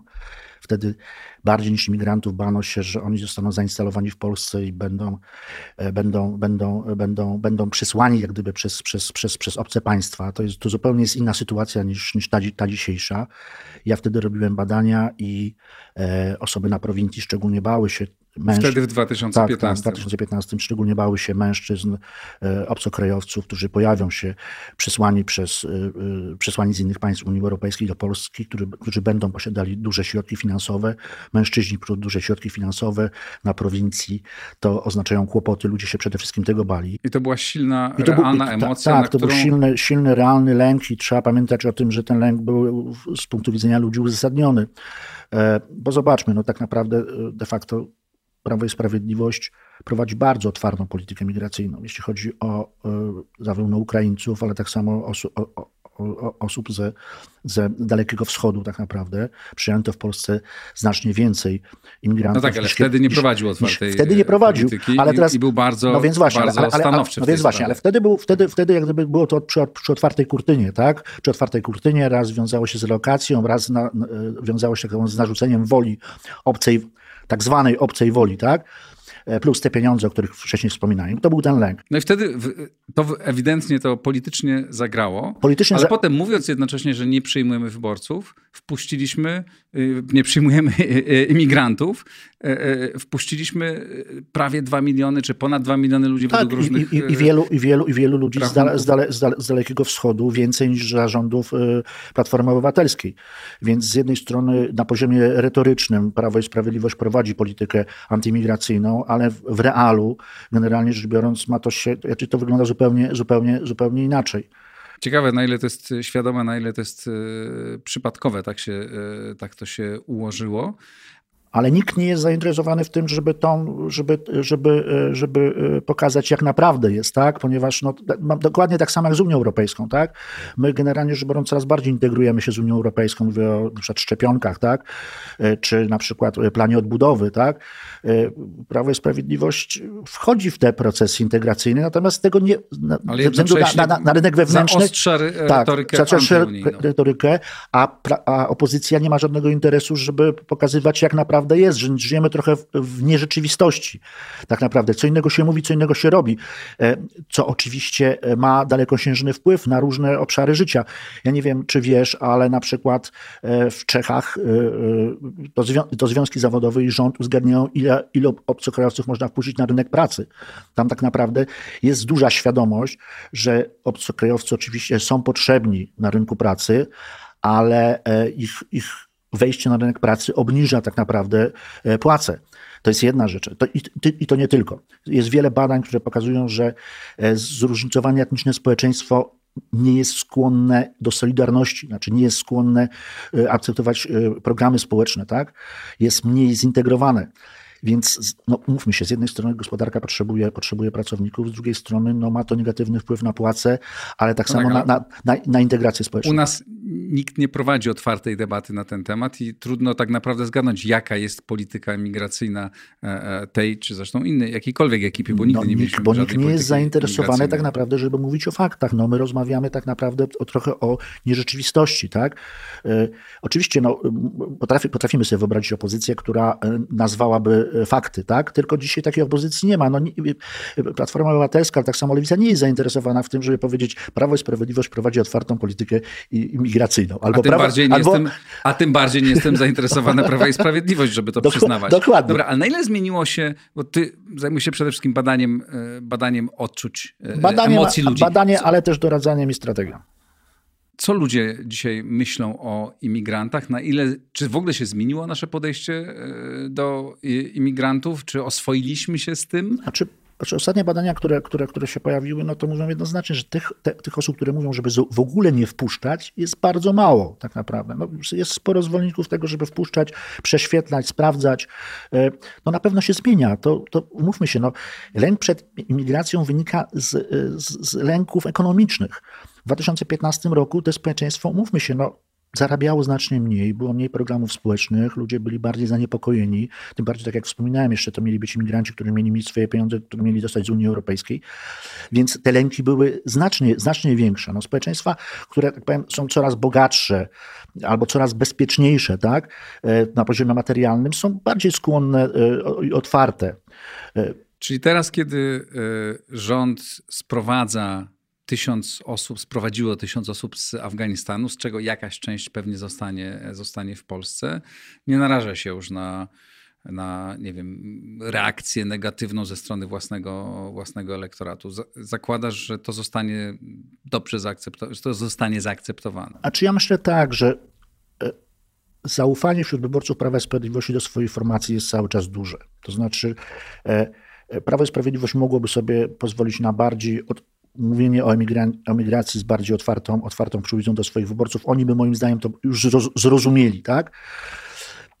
Oczywiście, ale, tego nie, ale tego nie ale, ale, przy, ale, przy, okazji tego, tego, tego, tego, z tej e, awantury, którą mamy na granicy z Białorusią, która jest bardzo trudnym politycznie e, e, problemem, to rząd też używa takiej bardzo ostrej retoryki. No, rząd, rząd tak naprawdę, no, mówmy się, to się odbywa na kilku płaszczyznach. Znaczy, rząd tak naprawdę e, e, no, chce pokazać, pokazać obywatelom, e, że, że kontroluje sytuację. To jest kolejny raz, mówmy się, w, w, w polityce jest mało, mało, mało, mało stałych. Tak naprawdę są same zmienne. Tak naprawdę, jak to się mówi, polityka to taka kasza pod Berlinem. Tak naprawdę nie wiadomo, gdzie swój, gdzie obcy, tak? Natomiast jedna, jest, jedna rzecz jest pewna. W sytuacjach kryzysu zawsze wszyscy gromadzą się wokół rządzących. Czy tak było w 2008 roku z, z Platformą Obywatelską, wtedy tak samo wszyscy liczyli, że kryzys wykończy Platformę, a wcale nie. Platformie rosło, wokół ludzie wokół, wokół niej się gromadzili. Nic dziwnego. No, ludzie tak naprawdę są racjonalni, wiedzą, że tylko, tylko rząd ma środki, monopol na użycie siły i tak naprawdę to, to, to od niego tak naprawdę dużo Czy zależy. ten kryzys na granicy białoruskiej pomoże rządowi? Ten, ten, kryzys tak naprawdę no, służy integracji na swojego elektoratu. Dwa, służy tak samo integracji w ogóle y, nawet wyborców opozycji tak samo wokół rządu. Mówmy się, jeśli jest lęk, no to idzie się nie do tych, którzy mówią ładnie publicystycznie i mówią, że wszystko ładnie by pięknie zrobili, są antypis, tylko idzie się do tego, którzy mają realne, realne siły i środki, tak? No, każdy kryzys generalnie rzecz biorąc to pokazuje. No, no, mówmy się, no już no, taki przykład wojny, tak? Kiedy, kiedy, kiedy, kiedy ludzie o różnych poglądach politycznych no, skupiają się pod, pod Czyli uważasz, pod że w tej trudnej sytuacji, która, w której jest rząd, bo generalnie jest w trudnej, trochę się roz, e, rozlatuje i, i, i dryfuje, ten kryzys mu pomaga? Tak, ten kryzys mu pomaga, e, e, tym bardziej, że, że nie ma kontrnarracji. E, ponieważ ten kryzys na granicy pokazał jedną bardzo ważną rzecz. Pokazał, że temat emigrantów nie da się rozpatrywać tylko w kategoriach moralnych, w kategoriach e, humanitarnych, tak? Że jest ten wymiar geopolityczny, jest ten wymiar no, mówmy się, quasi wojskowy, tak, że mamy do czynienia z wojną hybrydową, tak, więc łatwość tak naprawdę mówienia, że e, tutaj katolicy nie przyjmują i nie są, tak powiem, wyrozumiali i wielkoduszni, on nie rezonuje tak mocno, jak wcześniej rezonował. Tak? Znaczy ten, ta, ta, ta sprawa jest uwikłana tak naprawdę w, w już taki, w, taki, w taki wymiar, no mówmy się, polityki międzynarodowej, ale tak samo w, wojny no I opozycji też jest trudno znaleźć dobry język do tego. No, do dobrą, ale, zbudować własną dobrą ale, opowieść. Ale, ale mówmy się, mówmy się no ten, ten, język, ten język e, moralny, e, taki humanitarny, on świetnie rezonował on wspaniale rezonował tak naprawdę. No, e, to wokół tego, wokół emocji, wokół, wokół wzruszenia i chęci pomocy można by było tutaj dużo zbudować. Natomiast... Ale to jest trudniej, bo tu jest po drugiej stronie Aleksandr Łukaszenko. No więc właśnie, no więc właśnie. I tak naprawdę to jest tak samo duża, duża lekcja dla, dla opozycji, ponieważ pewne słowa już nie tak łatwo się wypowiada, tak? A czy do tej pory to było tak, że można było powiedzieć, PiS jest zły, bo nie ceni ludzi, bo trzyma tam ludzi i nie pomaga im. No ale jeżeli włączymy ten wymiar geopolityczny, tak naprawdę to sprawa nie wydaje się już taka łatwa. Czy ja myślę, że w ogóle tak naprawdę ten ton mobilizatorski w polskiej polityce, publicystyczno-mobilizatorski, on jest niebezpieczny tak naprawdę, bo on, on tak naprawdę upraszcza rzeczywistość, E, nie jest w ogóle, umówmy się, nie jest w ogóle polityczny. No, polityka tak naprawdę jest trochę poza, poza moralnością tak naprawdę. No nieraz coś trzeba zrobić złego, żeby było dobro, tak? E, to, to, to, to, to Jarosław to Kaczyński... się trochę dwa miesiące, e, dwa miesiące do tego, do, do, do czegoś, co chciał zrobić Jarosław Kaczyński, a co prawdopodobnie mu, mu nie wyjdzie, czyli do Lex, do Lex TVN. Nie pytam cię o ocenę tego, czy to dobre, czy złe, tylko o próbę analizy, po co to, po co to mogło być e, przywódcy Prawa i Sprawiedliwości i, pra, i Prawu i Sprawiedliwości. Jaki był cel tej, e, tej operacji? Powiem tak, znaczy my nie znamy szczegółów. To mówmy się, to w ogóle, żebyśmy mieli jasność tak naprawdę. Ta, ta sprawa tak naprawdę e, jest jedną z najbardziej, moim zdaniem, strzeżonych tajemnic Prawa i Sprawiedliwości. To, to znaczy, że, to znaczy, że mamy do czynienia tak naprawdę z rozgrywką na poziomie międzynarodowym. Znaczy, ja myślę, że tutaj to są retorsje za Nord Stream. E, są takie głosy. Ja tego nie jestem pewien, bo nie wiem. Tak naprawdę nawet tego nie sprawdzałem, chociaż mógłbym sprawdzić, ale myślę sobie, że, że to jest ten jeden z wymiarów. Jeśli można było tym zagrać, no to zagraliśmy tym. E, ale to jest tylko jeden z wymiarów. E, takim drugim wymiarem to jest znowu integracja swojego, swojego elektoratu. Ale jednocześnie Próba... przecież wyprowadzili ludzi na ulicę, bardzo wielu ludzi, którzy nie muszą być zwolennikami opozycji, ale jednak czują, że to jest przekroczenie pewnej tak, granicy, tak, zaprotestowali tak, tak, ale, ale, ale, ale, ten twardy elektorat, ten twardy elektorat tak naprawdę, e, no, ta, ta akcja mogła, mogła, mogła, go, mogła go integrować. Umówmy się, no, większość działań Jarosława Kaczyńskiego, działań politycznych to są działania, e, które mają integrować elektorat. On inaczej e, integruje elektorat niż na przykład Platforma. Platforma integruje w ten sposób, ona jest firmą firmą ubezpieczeniową, mówi tak, my jesteśmy dobrzy, wy jesteście źli i brzydcy. No to chcesz być z brzydkimi, no to sobie idź do nich. A jak chcesz być z ładnymi, to zostań z nami, bo my tak naprawdę jesteśmy tacy, nie jesteśmy kościółkowi, tak jak Nitras mogą powiedzieć, tak naprawdę to się bardzo mocno przebiło, tak, że tutaj katolicy tak naprawdę prawie spłoną na stosach. No to, to jest sposób integracji. Na Jarosław Kaczyński inaczej integruje sytuację. On, on, on, on, tworzy konflikty. No umówmy się, no, e, przypomnij, stara jego stara metoda. Stara metoda. Przypomnijmy sobie no, czas, czas pandemii, tak? Ludzie siedzący w domach już już nie wytrzymujący, tak? I, i, I, rząd bez szczepionek, tak? No i co robi Jarosław Kaczyński? No, rozpętuje bitwę, bitwę z kobietami, tak? I to pozwala ludziom tak naprawdę gdzieś zaangażować swoje emocje, e, e, integruje jego elektorat, buduje... A tak samo, tak samo integruje e, opo opozycja. elektorat opozycji. No, dokładnie, ale, ale zawsze są jakieś koszty, zawsze są jakieś koszty, ale generalnie rzecz biorąc Jarosław Kaczyński zawsze poprzez konflikt integruje, integruje swój elektorat, żeby mu, się, żeby mu się nie rozszedł. Tomasz Karoń, Tomek, bardzo Ci dziękuję. Dziękuję bardzo.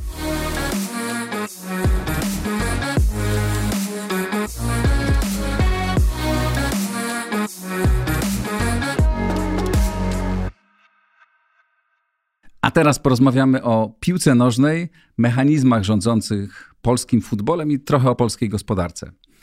Legia Warszawa weszła do fazy grupowej Ligi Europy, czyli takiej drugiej Ligi Europejskiej. Pierwszy raz od lat polska drużyna weszła do drugiej europejskiej ligi i uznajemy to za wielki sukces. Cieszymy się, jestem kibicem, się bardzo cieszę, ale to pokazuje, gdzie jesteśmy. Polska liga w rankingu UEFA zajmuje 30 miejsce w Europie. Tymczasem polska gospodarka jest szóstą najsilniejszą gospodarką w Europie. Jesteśmy siódmym krajem pod względem ludności, czyli mamy dużo ludzi, dużo młodych ludzi, którzy ćwiczą piłkę. Piłka jest najpopularniejszym sportem. Kraj się przez ostatnie 30 lat rozwinął. Rozwinęliśmy infrastrukturę, powstało masę fantastycznych firm, a piłka ciągle jest bardzo z tyłu e, całego europejskiego peletonu. Co się stało? O tym porozmawiam z Bogusławem Leśnodorskim, e, przedsiębiorcą, prawnikiem, a w tym kontekście przede wszystkim byłym prezesem Legii i współwłaścicielem tego klubu. Dzień dobry, witaj. Witam, witam. O rany, taki był długi wstęp, muszę sprostować trochę. Aha. Znaczy był jeden taki przypadek, który się skończył powiedzmy w lidze tragicznie, to znaczy Lech Poznań zdarzyło mu się awansować też do Ligi Europy. No tak, nie, były przypadki, ale Legia była... W... Ale mówię w ostatnich latach tak. i skończyło się to, ale tym bardziej, akurat jest to przykład potwierdzający tezę, którą tutaj tak. postawiłeś, bo skończyło się to katastrofą w lidze, to znaczy Lech w tym sezonie nawet nie był pierwszą drużyną w Poznaniu. Tak. E, w którym zagrał w Lidze w Europie i kompletnie nie udźwignęli tego, żeby zagrać na dwóch frontach. Rzeczywiście zagrali te cztery dobre mecze, tam awansowali, ale e, jednak występy w Lidze Europy no to jest coś więcej niż awans i później dostawanie w każdym meczu web, tylko realna gra na dwóch frontach, a to jest zupełnie inna dyscyplina sportu. To też chciałem zaznaczyć, nie będziemy o tym dyskutować, że ta gra w lidze i w rozgrywkach europejskich versus gra tylko w lidze to są dwie różne dyscypliny. Tak. Dobra, ale pogadajmy o tym, bo bardzo ja chciałbym zrozumieć, co się takiego stało, że w Polsce wszystko się rozwinęło. Co prawda, owszem, stadiony są ładniejsze i organizacja jest lepsza, ale ciągle polska piłka właśnie jest na tym samym poziomie albo niższym nawet niż była za komuny. No więc co, jest sporo o, takich aspektów, które na pewno warto w tym kontekście poruszyć. Jedno jest takie, bo to ludzi najbardziej zawsze interesuje, jedna z odwiecznych kwestii, czy jest za dużo, czy za mało pieniędzy.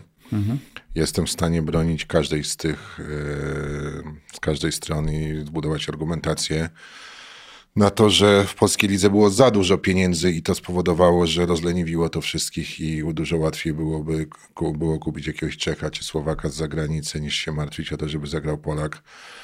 I, i doszło do całej masy patologii, wszystkich było na wszystko stać, mówię szczególnie na najwyższym szczeblu rozgrywkowym.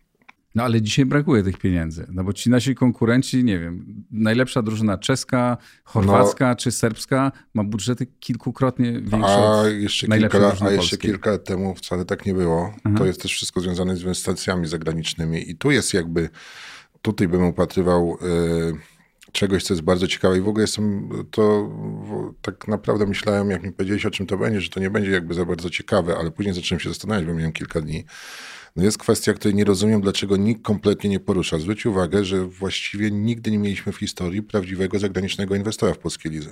No. I, a czy w Czechach, czy w Słowacji, no właściwie wszędzie są. W każdym, nawet najmniejszym kraju.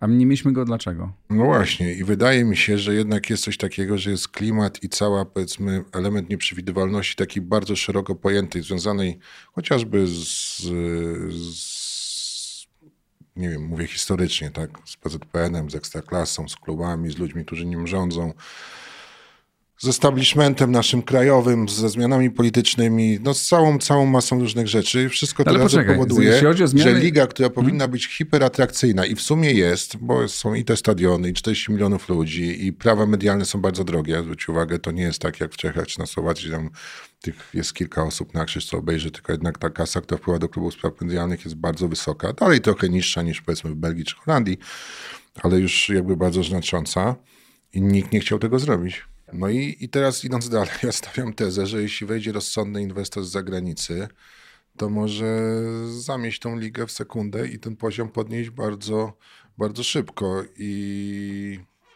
jednak, że jest jakaś wartość w tym wszystkim, co powstało chociaż w tych stadionach, akademiach, tym wszystkim, pomimo tego, że rzeczywiście słabo gramy i tu nie mogę bronić.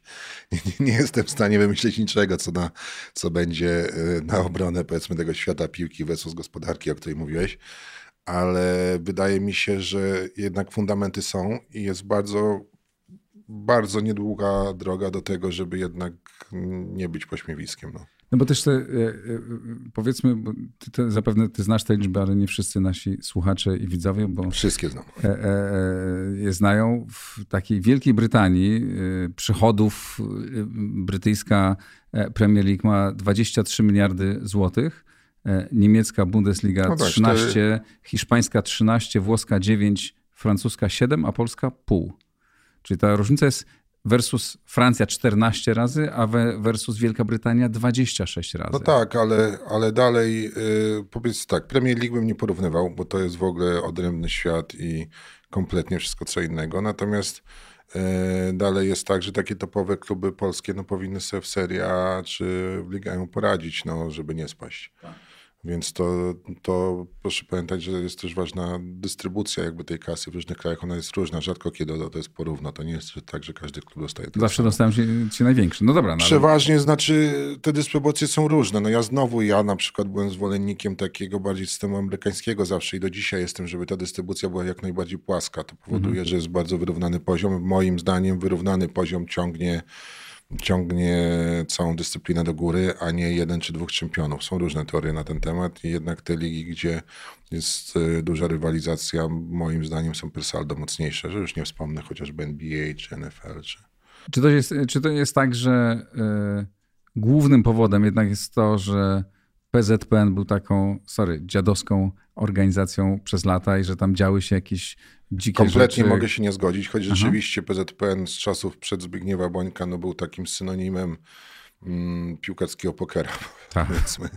Nasze pokolenie na tym filmie się wychowało, na pewno wszystkim no, należy tak. polecić, tak. nawet jak mamy młodszych słuchaczy, bo to e, ciekawe kino i, i i no warto wszyscy, którzy się interesują piłką zobaczyć. No i rzeczywiście tak było jeszcze powiedzmy pewna przasność e, wypowiedzi czy bycia tych osób powodowała, że potęgowało to jeszcze wrażenie takie, nazwijmy to niezbyt profesjonalnie prowadzonej organizacji. Tam jeszcze w tle były jakieś zawsze awantury, ktoś coś komuś, coś i tak dalej.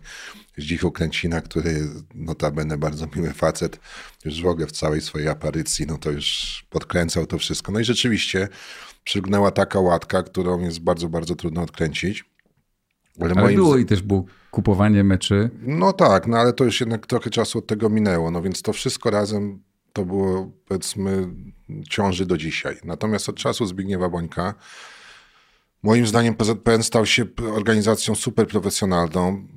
Y, musisz pamiętać, że prezes PZPN to jest jedno, tam jest jeszcze wieloosobowy zarząd i tak naprawdę taką pracę, nazwijmy to administracyjno-biznesową, wykonuje sekretarz generalny, który był Maciej Sawicki, którego ja w ogóle bardzo cenię. Uważam, że jest mega profesjonalnym gościem i postawił ten związek w hierarchii biznesowej bardzo, bardzo wysoko. Znam wielu sponsorów PZPN-u, to są często moi koledzy czy znajomi bardzo dobrzy i którzy mają bardzo, bardzo wymagający biznesmeni, którzy sobie bardzo również tą współpracę cenili.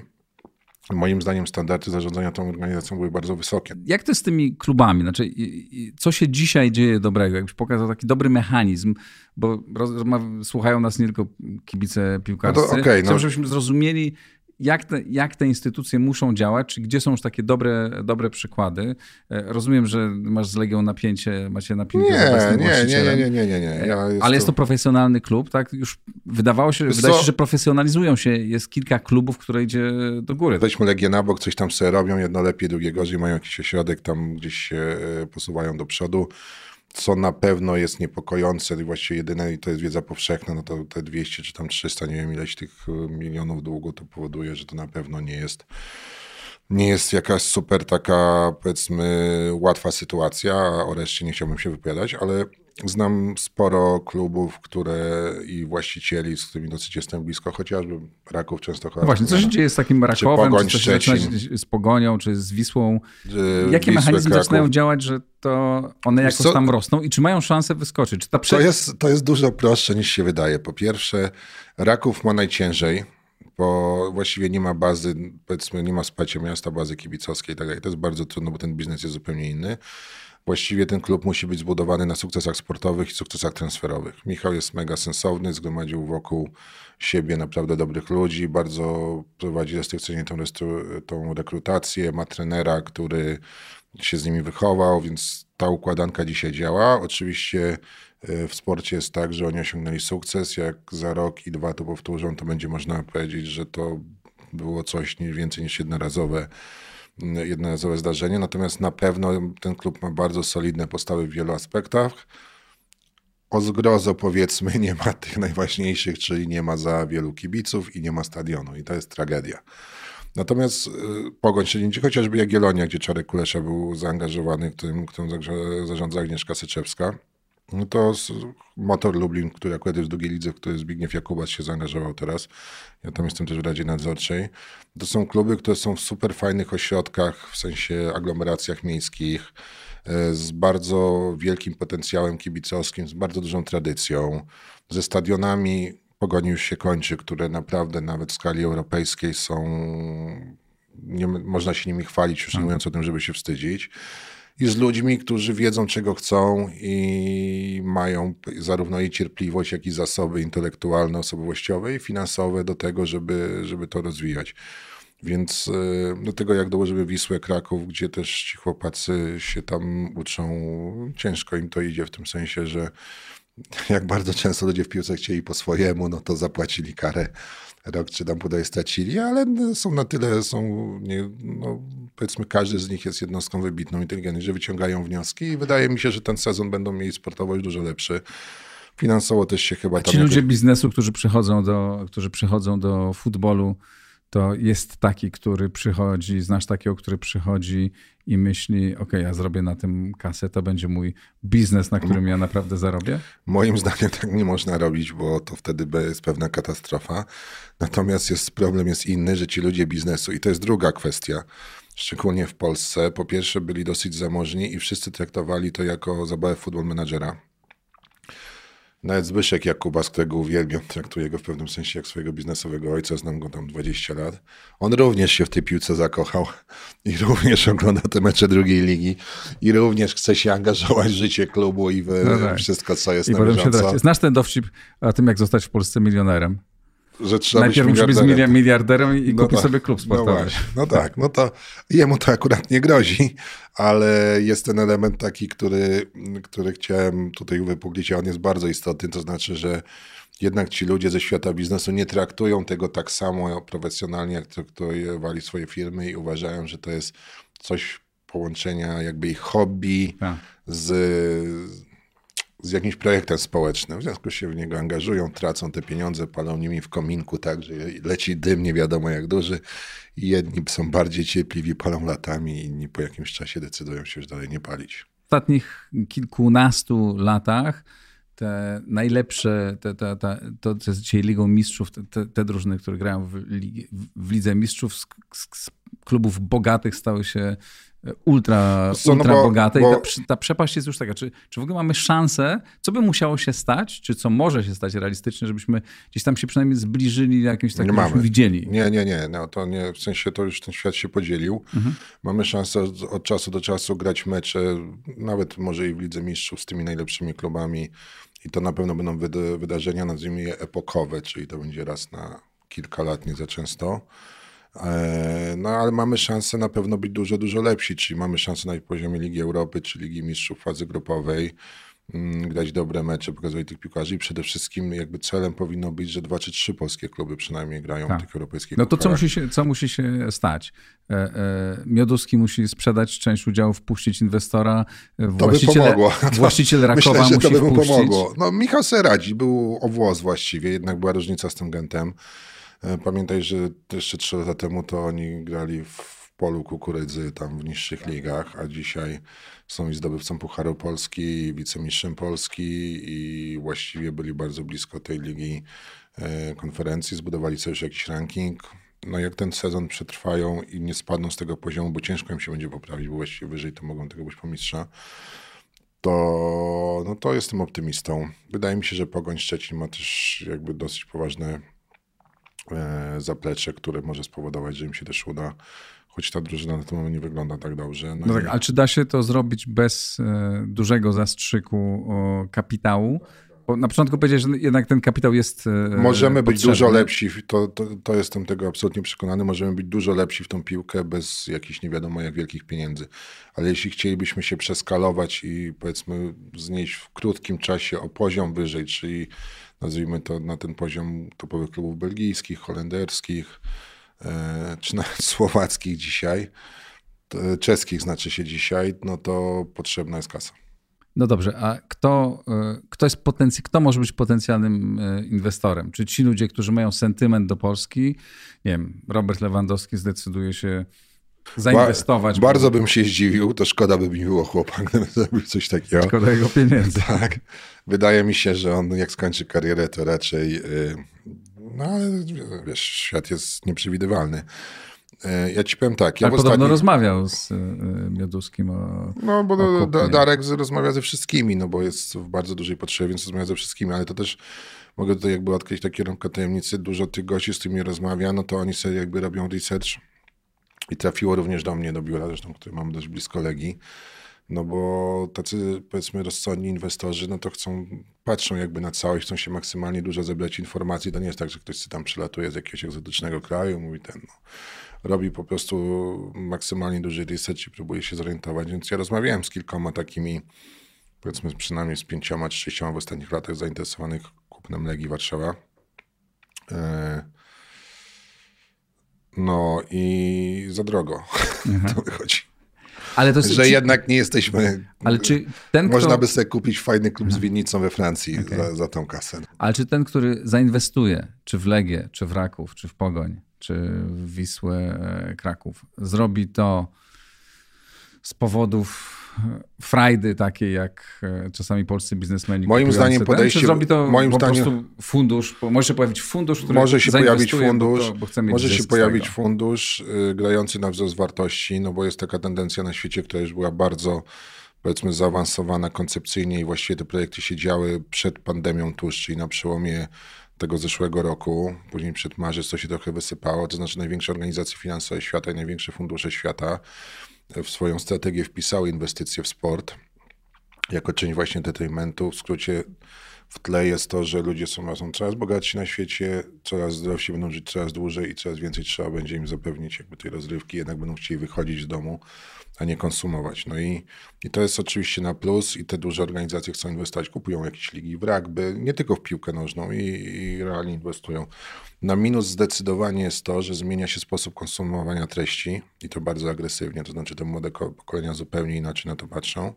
W związku z tym, a jest bardzo dużo kontentu, znaczy coraz więcej się gra w tą piłkę, już nie da się na to patrzeć, gdzie nie łączy, to jest ta piłka.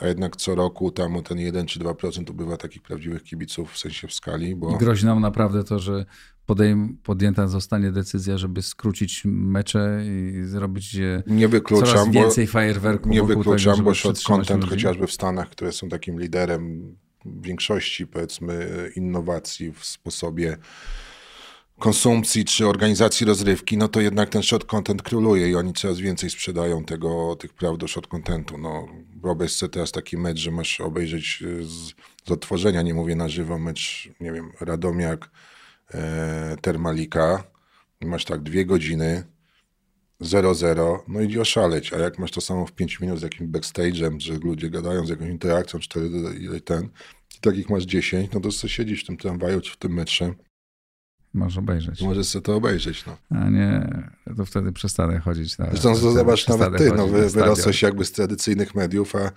formuła podcastu w sumie jest czymś podobnym. To znaczy ci ludzie w, będą, pójdą sobie biegać, wsiądą do samochodu, czy pojadą na rower i przy okazji sobie jakby skonsumują. Ale ja uderzam do takich, którzy słuchają nas już 25 minut e, i, no bo, i, i, posłuchają jeszcze następnych dla, rozmów. Dlatego mniej więcej do godziny się to robi, bo to jest mniej więcej tyle, ile ludzie przyjadą z miejsca na tak. miejsce, czy wsiadają na rower, czy idą na spacer.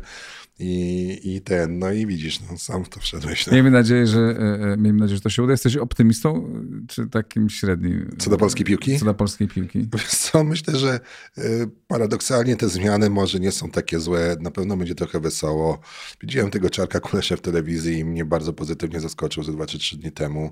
On stronił trochę od występów medialnych. No wiadomo, że jest z innego środowiska, z innego świata, wszyscy tam znają jego historię.